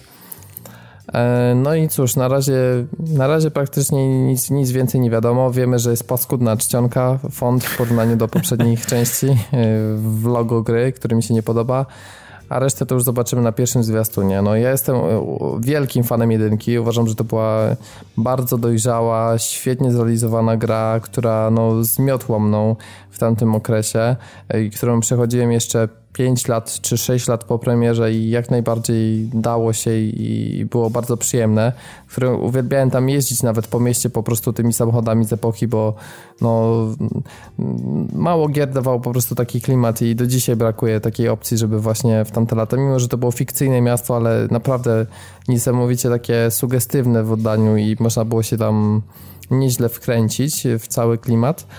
E, no, w dwójka to już z kolei trochę zmarnowany potencjał, w sensie takim, że zajebiste miasto, gdzie nie było nic do roboty, ale fabularnie, jak na standardy gier i jak na scenariusze do gier, to jest, e, mieści się jak dla mnie w 5% najlepszych scenariuszy w grach i naprawdę perełka pod tym względem i świetna fabuła, naprawdę trzymająca w napięciu, świetni bohaterowie, którzy, którzy byli z krwi i kości, a nie tak takie bezmózgie, jakieś bez przeszłości istoty, które które mają jakieś tam imię, nazwisko i twarz i animacje z motion capture i tyle, więc no ja czekam niesamowicie na trójkę i, i, i jaram się tak samo prawie jak Deus Exem. No, ja tutaj nie mogę podzielić tego, ale rozumiem twoją fascynację, bo to się może podobać i mi się akurat Mafia jakoś nigdy nie siadła, to nie jest, to nie jest jakby mój temat i próbowałem do, do dwójki podchodziłem i, i chyba, w, tak jak rozmawialiśmy przed nagraniem, że dwójka to jednak chyba ta słabsza część i możliwe, że też przez to też nie potrafiłem się jakoś tym zajarać specjalnie. No ale fajnie, że, że, że fani będą dalej mogli e, już nie tyle oczekiwać gdzieś tam, wiesz w swoich jakby snach i domysłach, natomiast że fakt, że się dzieje to, to, to sympatycznie. No. Mam nadzieję, że się uda. No. Ja mam nadzieję, że po prostu wyjdzie z tego lepsza gra niż z dwójki, tak ogólnie rzecz biorąc, więc czekam na więcej informacji. Myślę, że na Gamescomie rzeczywiście zobaczymy coś konkretnego. Oni mają piątego Może nawet tak? jakiś piątego, gameplay. Piątego ma być coś wyjść, czy tak mi znaczy, się wydawało? to przekazy Gamescomu, no ale... Tak, ale coś tam mieli piątego, ma, mają powiedzieć, jakoś więcej szczegółów ma się pojawić. 5 sierpnia pierwszy trailer o 14. No okej, okay, no to Super. Podobno y, trójka bohaterów będzie, y, czy być może będzie jakaś zrzynka, wiesz, z GTA 5. No jak kopiować to od najlepszych. Pierwszy mężczyzna jest mulatem i sierotą, powracającym do kraju po zakończeniu wojny, czyli to podobny schemat jak w dwójce, który jest niechciany zarówno wśród białych, jak i czarnych. Eee, cóż. O, Sierota Mulat, tak? O pozostałych, tak. O pozostałych to nie jest nic tam za dużo napisane. Hmm. Więc, więc na razie to są jakieś tam plotki, więc, więc tyle. No okej, okay, no. Zobaczymy. Zobaczymy. E, tylko jest jedna sprawa, jeśli chodzi o umiejscowienie akcji, no to być może będziemy mieli coś nowszego niż lata późne 40 czy 50, bo dziwnym trafem na tej oficjalnej gra grafice są samochody, które tak wyglądają bardziej jak na 60 70 tak? Tak, dokładnie, więc, więc zobaczymy. Może będą jakieś przeskoki w akcji, ale to, to wszystko na razie domysły. E, no dobrze, to tyle jeśli chodzi o informacje dzisiejsze i teraz przechodzimy sobie powoli do gier.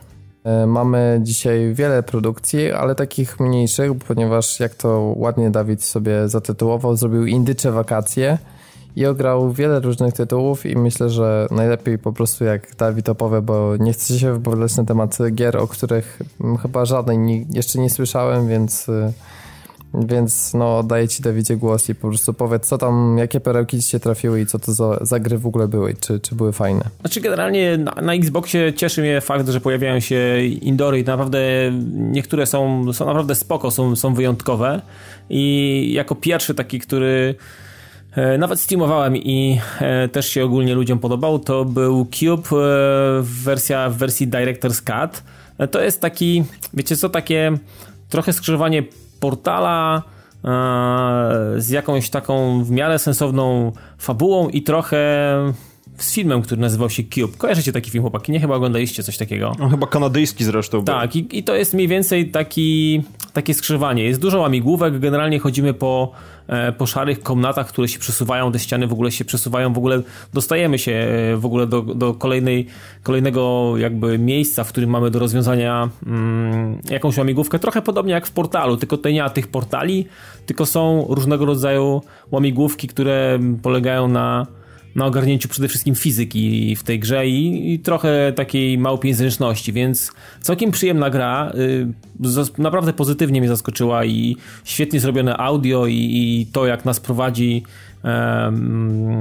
taki, można powiedzieć, lektor, którego mamy gdzieś tam w radio, bo jesteśmy jakimś astronautem, astronautą, który, który wylądował z jakichś dziwnych e, przyczyn w tym, w tym całym labiryncie tych, tych komnat. No i powiem, że to się bardzo, bardzo fajnie gra i polecam, zobaczcie sobie, jak wam to siądzie. Jak jesteś, jeżeli jesteście fanami portala, to powinno wam siąść.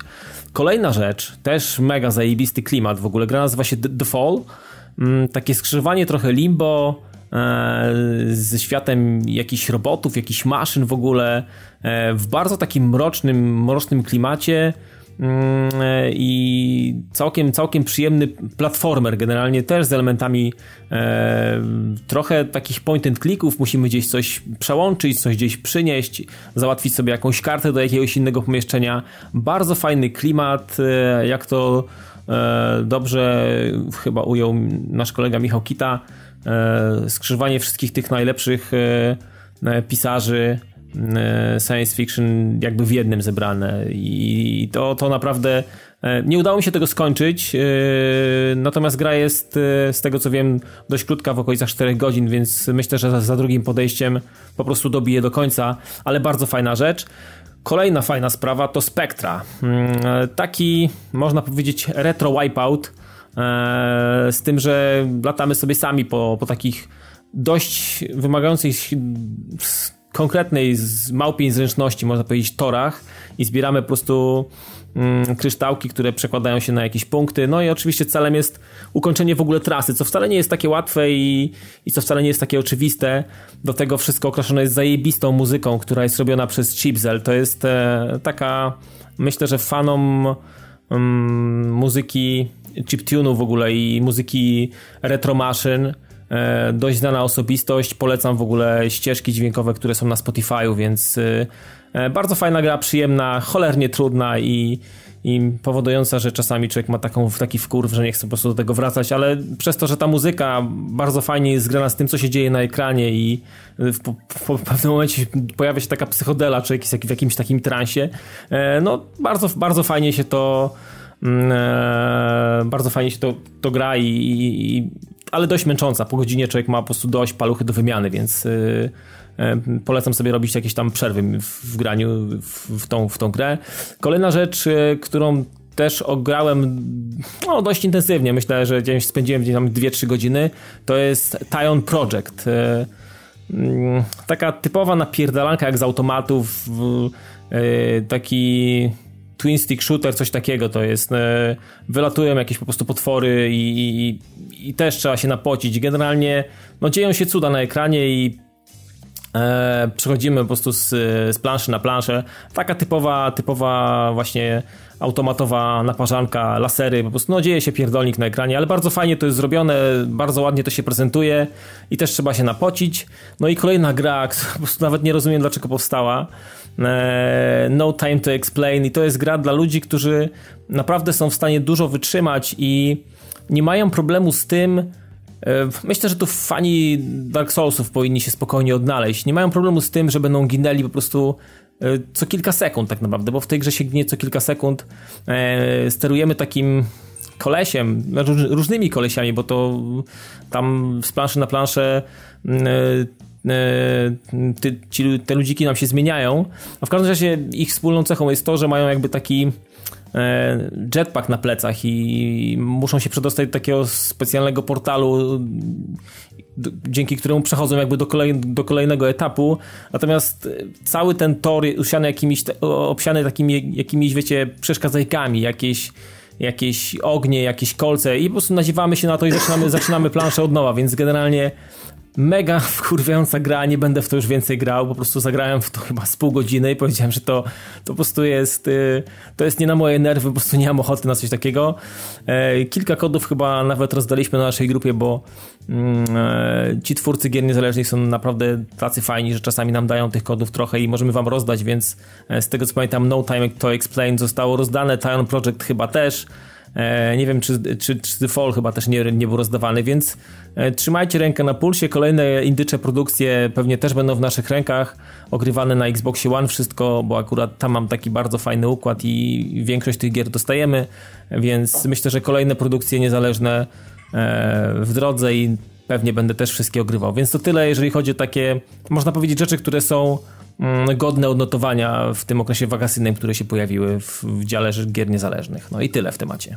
Okej, okay, to ja teraz wam opowiem parę słów na temat E, Kolata, którego dostaliśmy też do recenzji, e, no, który już mieliśmy jakiś czas e, o nim opowiedzieć, ale te wszystkie zawirowania, no mnie też nie było na ostatnim odcinku, więc, więc wcześniej też to E3, więc w końcu dopiero teraz jest szansa na ten temat opowiedzieć. I co trzeba po pierwsze, powie, po pierwsze zaznaczyć? To, że twórcy, którzy wpadli na umieszczenie tego w takim settingu, to jest po prostu majstersztyk, bo ja o tej historii przyznam, że wcześniej nie słyszałem, ale dla wszystkich fanów teorii spiskowych, a ostatnio widzę w internecie, szczególnie na YouTube, coraz większe zainteresowanie kanałami i coraz więcej takich materiałów powstaje właśnie skupiających różne takie mroczne, dziwne historie. No i to jest jedna z najciekawszych XX wieku, ponieważ e, gra bazuje na E, śmierci grupy Diatłowa, bo, który mm, był studentem e, Wydziału Radiowego i szefem ekspedycji w Uralu na jedną z gór, którą mieli zdobyć. Przy czym w niewyjaśnionych okolicznościach doszło tam do tragedii w nocy z 1 na 2 lutego 1959 roku. E, w niewyjaśnionych okolicznościach dziewięcio, dziewięcioro uczestników studenckiej wyprawy poniosło śmier śmierć. Oni byli półnadzy, oni e, uciekali z namiotów, po, z namiotów popłochu, e, przy czym nie udało się znaleźć żadnych ślad walki. Ciała niektórych osób też były napromieniowane, więc naprawdę było masę No i zmasakrowane teorii. tam, niektórzy mieli powyrywane języki, jakieś cuda tam w ogóle. Tam, się, tam ja, ja o tym czytałem kilka artykułów kiedyś, jeszcze zanim Kolat w ogóle powstał jako gra no to tam, tam się wydarzyło coś, co nie da się racjonalnie wytłumaczyć generalnie. Tak, i jeszcze od namiotu prowadziły ślady stóp. E, e, generalnie to. Oni uciekali w gaciach, w koszulkach, tak. jakieś tam się jakaś drama straszna wydarzyła. Tak, Coś... dokładnie, więc nie wiadomo co, bo nie jest to wyjaśnione. E, no i oni też odnaleźli różne tam ciała, które były naprawdę rzeczywiście zmasakrowani. E, więc no też pięć osób zmarło tam z powodu hipotermii, bo oczywiście wiesz, no, w, no to, tak, tak. W, takim terenie, no to... Wyszli w e, koszulkach w bieliźnie to tak naprawdę i jakieś tam osoby próbowały też wrócić z tego co pamiętam i też nie udało im się do tego namiotu, albo wrócili i też po, po tak, oni próbowali wrócić, tak. ale, nie, ale się nie udało, dokładnie. No więc generalnie no i te cztery jakieś. ciała, bo cztery ciała właśnie były naprawdę poważnie zmasakrowane, były strzask strzaskana czaszka, E, klatka piersiowa tam u którejś kobiety, tak, tak, tak. Tak, e, no i też e, w jednej ofiarze brakowało języka i części twarzy, zupełnie mm -hmm. ona była wyrwana. Czy gałek ocznych, jakieś takie w ogóle niesamowite rzeczy w ogóle, jakiś horror w ogóle.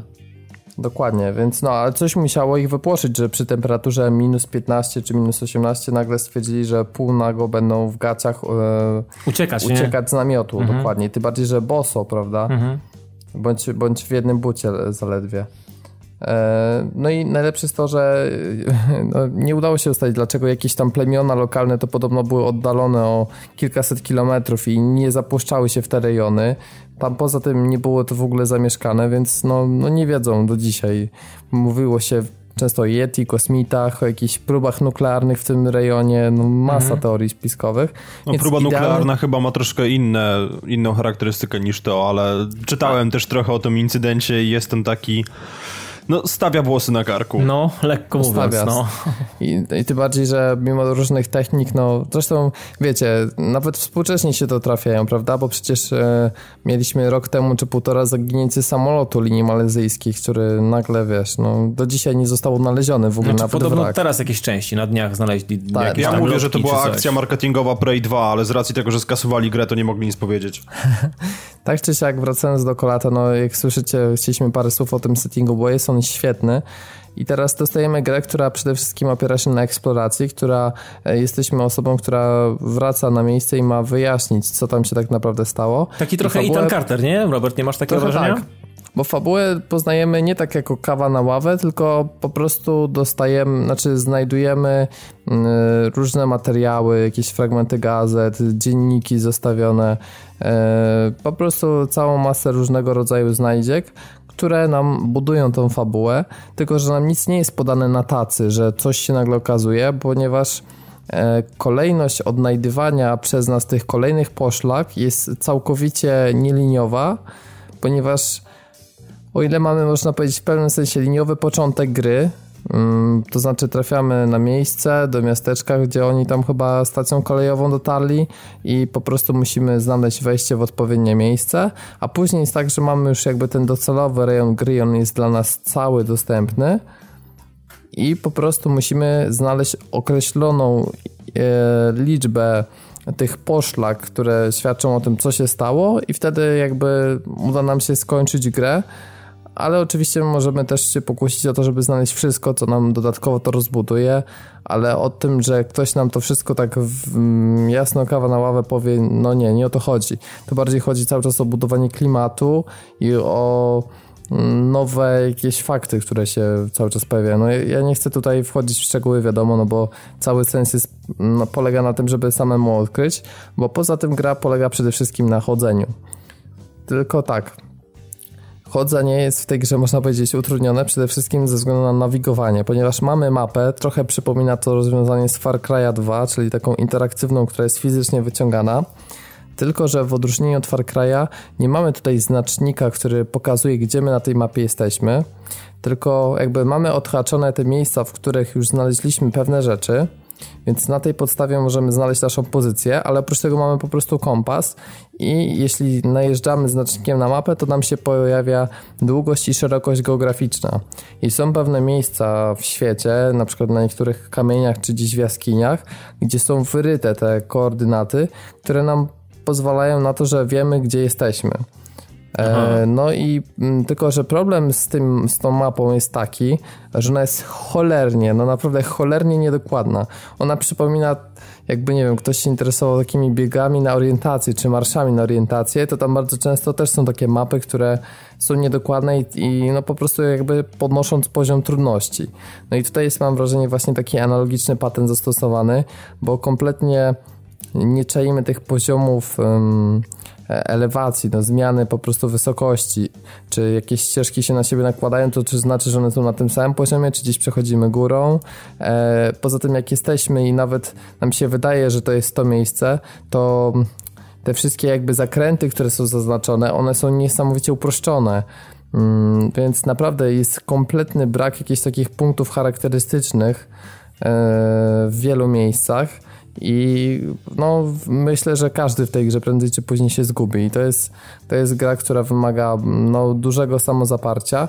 I trochę problemem jest tutaj system save'ów, ponieważ gra nam się save'uje w momencie, kiedy znajdujemy jakieś znajdźki. I oczywiście może być tak, że, że będziemy je znajdować dosyć często i z tym nie będzie problemów. Eee, oprócz tego mamy system namiotów, który tam nas możemy jakby wykorzystać i jako system szybkiej podróży i też tam jeszcze tak na twardo zapisać rozgrywkę, takiego zrobić twardego save'a można powiedzieć, że nie autozapis, tylko jakby nasz własny. E, no z tym, że możemy zginąć w tej grze. Możemy zginąć, ponieważ mm, e, gra mimo, że jest eksploracyjna, to tak bez wchodzenia w szczegóły spotykamy podróżując po tym świecie takie pomarańczowe zjawy, które nas automatycznie, jeśli nas spotkają, to nas zabijają i nie możemy nic z tym zrobić, tylko możemy uciekać od nich. No i jest też bardzo dużo pułapek różnego rodzaju, na przykład w śniegu. No, najczęściej jakieś takie zapadnie, czy po prostu no, no takie ukryte pułapki. No one są niby widoczne, no ale na przykład jak uciekamy po ciemku w nocy z wyłączoną latarką, no to można na to wpaść. No i moim zdaniem to jest pomysł, który nie do końca się sprawdza, dlatego że to wybija z takiego eksploracyjnego, spokojnego gameplayu i dodaje takiej takiego elementu zręcznościowego, i znowu też wybija, że to nie jest horror do końca, bo ta gra też tak nie straszy. Więc ona do końca nie jest takim etanem Carterem i do końca nie jest też takim Slenderem, Aha. gdzie musimy uciekać. Więc tak, tak trochę ma taki kryzys tożsamości, mam wrażenie. I to jest chyba największy problem ponieważ klimat jest naprawdę syty. E, wprowadza nas też bardzo fajny narrator i tutaj Sean Bean tak wypadł dosyć moim zdaniem cienko, bo jest kompletnie nie w klimacie. I tutaj Andrzej Chyra robi niezłą robotę, bo on ma taki dosyć zimny głos i pasuje właśnie do, do tego settingu. Naprawdę świetnie, e, świetnie robi narrację. E, natomiast problemem jest to, że no szkoda, że nie pokuszono się jakiś rosyjski dubbing. Myślę, że no to, to by no, mógł, mógłby to pasować, mogło to pasować. Tak jak w metrze. Tak jak było, no albo w oryginale, tak na przykład był w Stalkerze i tam był Jerzy Utta, był też e, tłumacz, no to, było, to było też bardzo fajny zabieg, bo wszystko Czyli było... na przykład opcja, że wiesz, że był, zostaje był lektorem. czy mhm. lektor, tak, ale dokładnie, tak. ale mamy rosyjskiego. Ale jest oryginał, dokładnie i to w Stalkerze znaczy, bardzo fajnie grało. Znaczy tutaj to by nie miało sensu, bo to po prostu cały czas jakby mamy, wiesz, mhm. po prostu y, odczytywane przez mamy odczytywane, ale to są, wiesz, nie spotykamy postaci, tylko w pamiętniku jakieś po prostu na przykład, czy, czy w gazecie jakieś teksty. Jasne. No i teraz jest e, kwestia taka, że też w niektórych miejscach są oskryptowane wydarzenia, które dodają takiego mistycyzmu do tego wszystkiego, ale to też nie chcę wchodzić, bo, bo musiałbym po prostu zaspoilować. No ale jest ileś tam tych wydarzeń, które, więc to też nie jest tak, że tylko chodzimy i nic się nie dzieje przez całą grę, ale są miejsca, w których po prostu coś się dzieje. O tak to, tak to po prostu ujmę. E, no i co? No i myślę, że to jest w zasadzie to, na czym opiera się cała gra. Ona bardzo szybko nam jakby pokazuje, czym jest i nie robi jakiegoś, nie wiem, nie, nie robi nam nadziei na to, że będzie coś więcej, tylko po prostu taka jest. Więc myślę, że to, to jest tytuł, który albo ktoś naprawdę mega polubi i od, od początku się w niego wkręci, albo znienawidzi, albo stwierdzi, że to nie jest do końca dla niego i dosyć szybko się znudzi. No i jest niestety bliżej tej drugiej grupy, więc polecam ten, ten tytuł osobom, które w takiej grze jak Dear Esther przede wszystkim to no trochę i ten Carter, ale też jakieś takie ala Slendery, chociaż no mówię, zdecydowanie mniej horroru tutaj jest. E, to jeśli lubią te dwa gatunki, to myślę, że spokojnie w kolacie znajdą coś dla siebie. Przy czym uważam, że dodanie tych elementów zręcznościowych jest e, no nie do końca sensowne. No, ja wolałbym, żeby ten tytuł był bardziej właśnie takim eksploracyjnym, żebym ja na przykład bardziej musiał się denerwować tą nawigacją, czy ja się nie skupię po raz kolejny, a nie jeszcze do tego uważać na to, czy jakieś pojawią się żółte zjawy i będę musiał uciekać. Nie, to nie jest trudne, żeby przed nimi uciec, tylko to jest po prostu upierdliwe, o to chodzi. I nieraz jest tak, że człowiek po prostu, nie wiem, no, przez przypadek wbiegnie w jakiś kamień i się zablokuje i zginie przez to, a był bardzo daleko od poprzedniej znajdźki, na przykład 10 minut chodzenia i orientowania się w terenie traci po prostu, więc ta gra potrafi sfrustrować przez to. Aha. Mi się bardzo podoba otwarcie tej gry, ten, ten pociąg, to, ten dworzec taki, potem to wejście w lasku. Tak, to jest... no to jest ten, który mówiłem, że to jest jedyny taki trochę liniowy, w sensie no taki, że jest tylko jedno miejsce, gdzie musisz tak, pójść. za dworcem w lewo a, tam, no. A, a, później to już jest to, co robisz, co chcesz, jakby, mm -hmm, nie? Mhm, znaczy mm -hmm. w jakiej kolejności ci się podoba. Jasne, jasne. Więc no tak w sumie powiedziałem wszystko, no. Myślę, że to jest dobry start, bo to chyba debiutancki projekt studia, tak? Tak, tak, tak, tak. Myślę, że dobry start. No aha, jeszcze nie powiedziałem o stronie graficznej. No jest poprawnie, ale no, to nie robię takiego jak Ethan Carter. Po prostu Czyli gra, mówisz, że wersja, wersja na PS4 by ruszyła spokojnie bez jakiegokolwiek downgrade'u? Tak, ruszyłaby jak najbardziej, tym bardziej, że to jest śnieg, a on nie wymaga jakichś dużych zasobów. I ta gra nie ma jakiejś tam super animacji, wiecie, no zakopywania się w śniegu, czy, czy symulacji głębokości. Ona po prostu buduje klimat takimi różnymi dźwiękami, takimi dziwnymi. No właśnie, z, audio jest, z audio jest spoko? Tak, audio jest, no, trzyma poziom jak najbardziej, więc y, granie na słuchawkach wskazane, jak to w tego typu tytuły, a strona wizualna jest po prostu poprawna, no bez szału. No okej. Okay. Więc tyle myślę, jakby ktoś jeszcze miał jakieś, jakieś pytania, no to śmiało. Także polecam, ale tym, którzy lubią ten gatunek i wiedzą, że y, mają taki zapał do znajdziek i lubią tak eksplorować i nie boją się właśnie tego, że, że się zgubią wiele razy, no bo gra daje wycisk pod tym względem, że no, trzeba się tam, no trzeba świetnie się nawigować i orientować co, gdzie i jak. Czyli... E, starcza, ja jej do końca nie, przynajmniej się nie ukończyłem, ale e, no słyszałem, że dla tych osób, które zdecydują się tak wszystko odkryć, to nawet może być 6-7 godzin, więc mniej więcej mówimy o takiej średniej długości. No to jest gra niezależna. Ale co 6-7 godzin ogólnej długości gry, tak? Mhm. To ile ty przy niej spędziłeś tak pi razy oko? No dziś połowę tego czasu. Aha. Okej, okay, okej. Okay. No dobra. No, można też ukończyć tę grę chyba w 4, więc no, bo to zależy po prostu od to, czy, czy będziemy, wiesz... Od stylu grania pewnie, no. No, no ile razy się zgubimy, ile, ile razy zgubisz, ile razy zginiesz i tak dalej, nie? Dokładnie o to chodzi. No dobra, to wszystko wiemy w tym razie na temat Kolata. No mi się generalnie podoba cało, całe, całe to story, które, zbudow...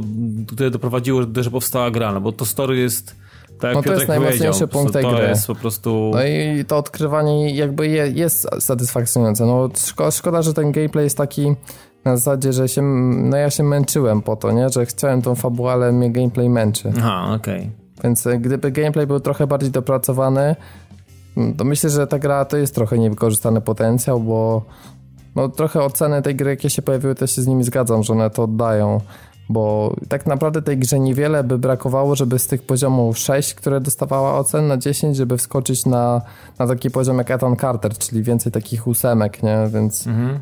no, no zabrakło myślę też trochę, wiesz, no po prostu postawienia na pewnych pomysłach w inny sposób, że tutaj troszkę takie dwie wizje się zdarzyły, które dały ostatecznie coś, co no, nie jest tak gatunkowo, wiesz, jasno uzasadnione.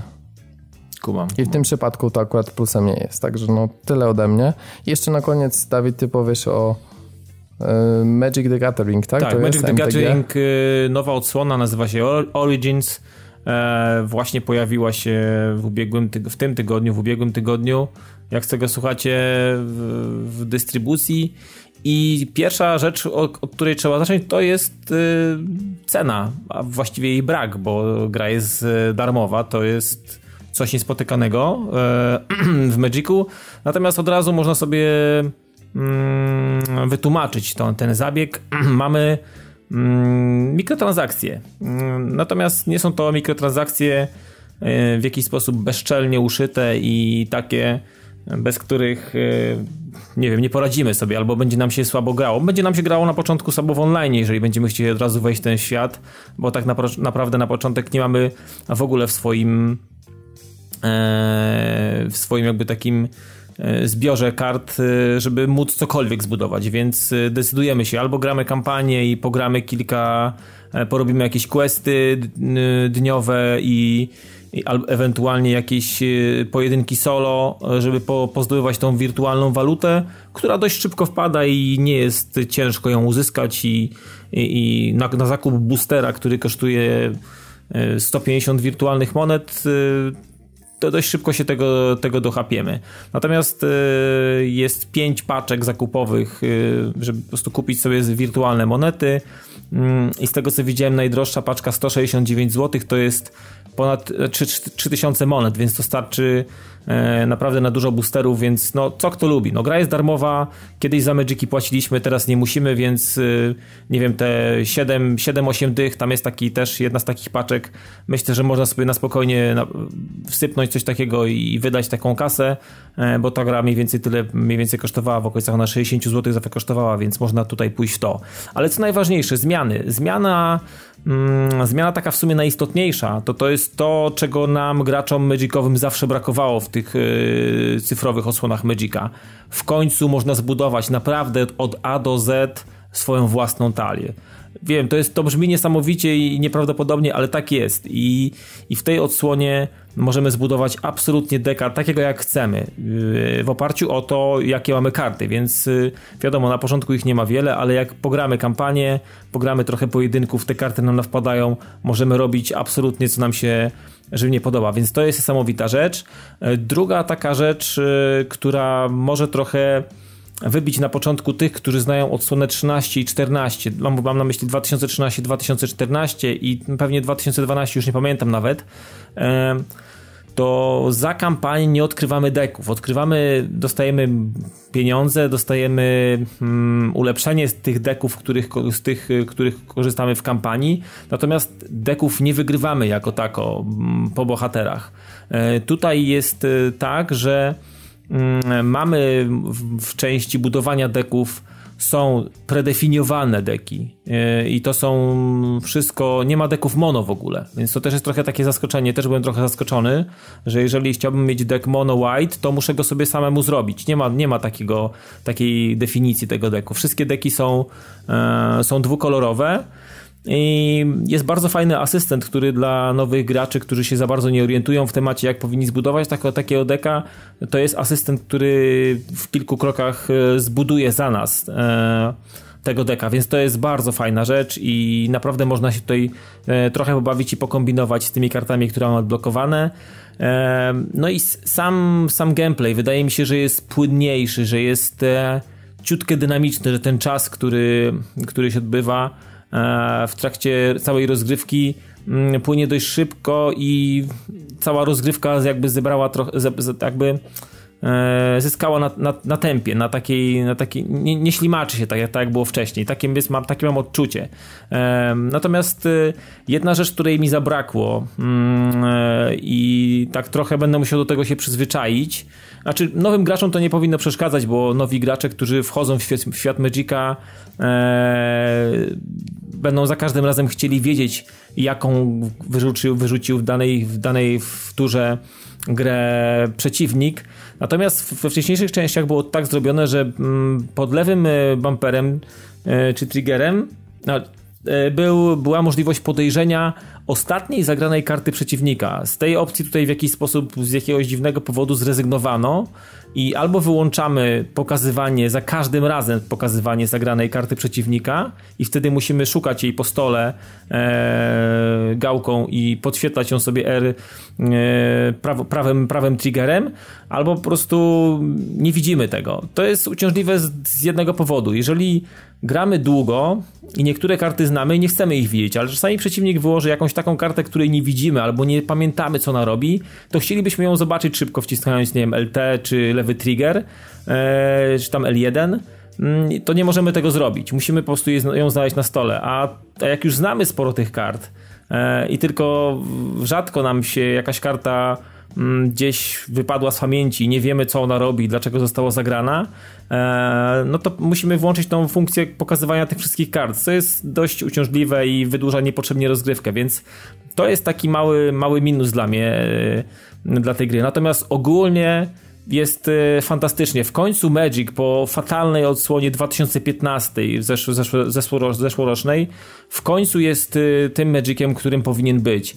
E, mam nadzieję, że więcej ludzi się przekona i będzie mogło przede wszystkim sprawdzić, dzięki temu, że gra jest darmowa, zobaczyć, czy to jest coś, co mm, będzie im pasowało i bez żadnych konsekwencji w postaci wydania pieniędzy niepotrzebnych będą, będą ludzie po prostu chcieli za to po to sięgnąć i, i po prostu przetestować to i nie będzie potem problemu, że a wydałem 60 zł, a gra jest faktycznie beznadziejna albo mi nie pasuje w jakiś sposób, więc bardzo fajny ukłon. Myślę, że teraz czas, żeby to w jakiś sposób utrzymać, rozwijać, nie wiem, nowa, nowymi dodatkami, ewentualnie eventami, które są związane w świecie Magica e, w konkretnych okresach e, roku i tylko to utrzymać, bo w tej chwili myślę, że nie przesadzę, jeżeli powiem, że to jest najlepsza odsłona Magica yy, cyfrowa, jaka się pojawiła do tej pory. Takie jest moje osobiste odczucie, więc polecam naprawdę 9 na 10 naprawdę, jak dla mnie, jeżeli chodzi o karciankę w postaci cyfrowej. Cyfrowo-growej, tak to mogę powiedzieć. I tyle w temacie nowego Magica. Naprawdę fantastyczna gra. To na koniec zostały nam premiery w najbliższym tygodniu. E, no, oczywiście jest to taki okres, że nie można spodziewać się jakichś niesamowitych tytułów. E, tutaj dla posiadaczy Xbox One e, powinni obserwować tak. Wtorek, 4 sierpnia w cyfrowej dystrybucji zadebiutuje Rare Replay, czyli kolekcja najpopularniejszych gier od studia Rare. W zestawie znajdzie się aż 30 tytułów. Także mówimy o naprawdę. Znaczy, grach, no, pokaźna kolekcja. No, pokaźna na NES-a, kolekcja. na Nintendo 64. Nawet na ZX Spectrum, bo tam jest Nightlore, Attic Attack, więc są rzeczy, rzeczy naprawdę nawet z komputerów 8-bitowych. Będziecie też mogli przez e, ten w czasie się przenieść do początków 360, bo będzie Cameo i Perfect Dark. Ja nie wiem, czy ktokolwiek chce się cofać do Perfect Dark. Dlaczego? A co jest? Co nie tak z Perfect Darkiem jest? No nie była to Grałeś? gra. Nie właśnie, ale... No to ale no, kup, może, tak, może ten, replay no, w takim razie i zagraj. Nie, no. nie, dobra, dobra, nie. Słyszałem, że odwzorowali wszystko łącznie ze spadkami framerate'u. No, Będzie okay. można zdobyć za to 10 tysięcy punktów gamer score w tej kolekcji. No to nie jest opaka, nie? Będą też informacyjne filmy dokumentalne oraz możliwość przewijania akcji w niektórych pozycjach. Mm, właśnie o to mi chodziło, jak kupiłem nową grę, żeby był tam dokument, najlepiej jeszcze z narracją czubówne. Nie no, ale się śmiesz, to akurat moim zdaniem fajna sprawa. O kurwa. O, oprócz tego będzie Submerged, czyli tu mamy kwestię znowu gier niezależnych. Yy, tutaj będziemy w tej grze eksplorować jakieś tajemnicze, podzalane podwodne miasto. Tak, to takie trochę, trochę Brothers e, z eksploracją, takie, tak mi tak. się wydawało, ale bardzo fajna stylistyka, bardzo ładnie to wygląda, prezentuje się ciekawie. Nie zastanawiam się, czy na tym łapki nie łapy nie położyć, ale to chyba dopiero osobno będzie siódmego dostępne. No ja tutaj mam informację na razie, że to wtorek będzie, ale pewnie w naszych storach też y, na PlayStation to będzie w środę, no zobaczymy, wiesz, jak to te cyfrowe czasami potrafią się trochę tam opóźnić. No właśnie. No więc to tyle, jeśli chodzi o premiery w tym tygodniu. Y, to myślę, że wszystko, co na dzisiaj przygotowaliśmy. Y, pamiętajcie, żeby wchodzić na padtv.pl, odwiedzać naszego Facebooka, Twittera, na naszą grupę, która mimo wakacji tam sporo osób się nadal udziela. No jest e, ruch, no i, jest ruch. Tak, dokładnie. Pamiętajcie, żeby jeszcze wesprzeć ten projekt Inżynieria Gier. E, Szymon jest na Gamescomie, więc słyszymy się najpewniej za tydzień. E, no i to już od nas wszystko. Ja nazywam się Robert Fiałkowski, prowadziłem dzisiejszy odcinek, także już Wam dziękuję za uwagę i przesłuchanie. A ze mną był Piotrek Modzelewski. Dzięki wielkie za uwagę. I Dawid Maron. Dzięki i do usłyszenia.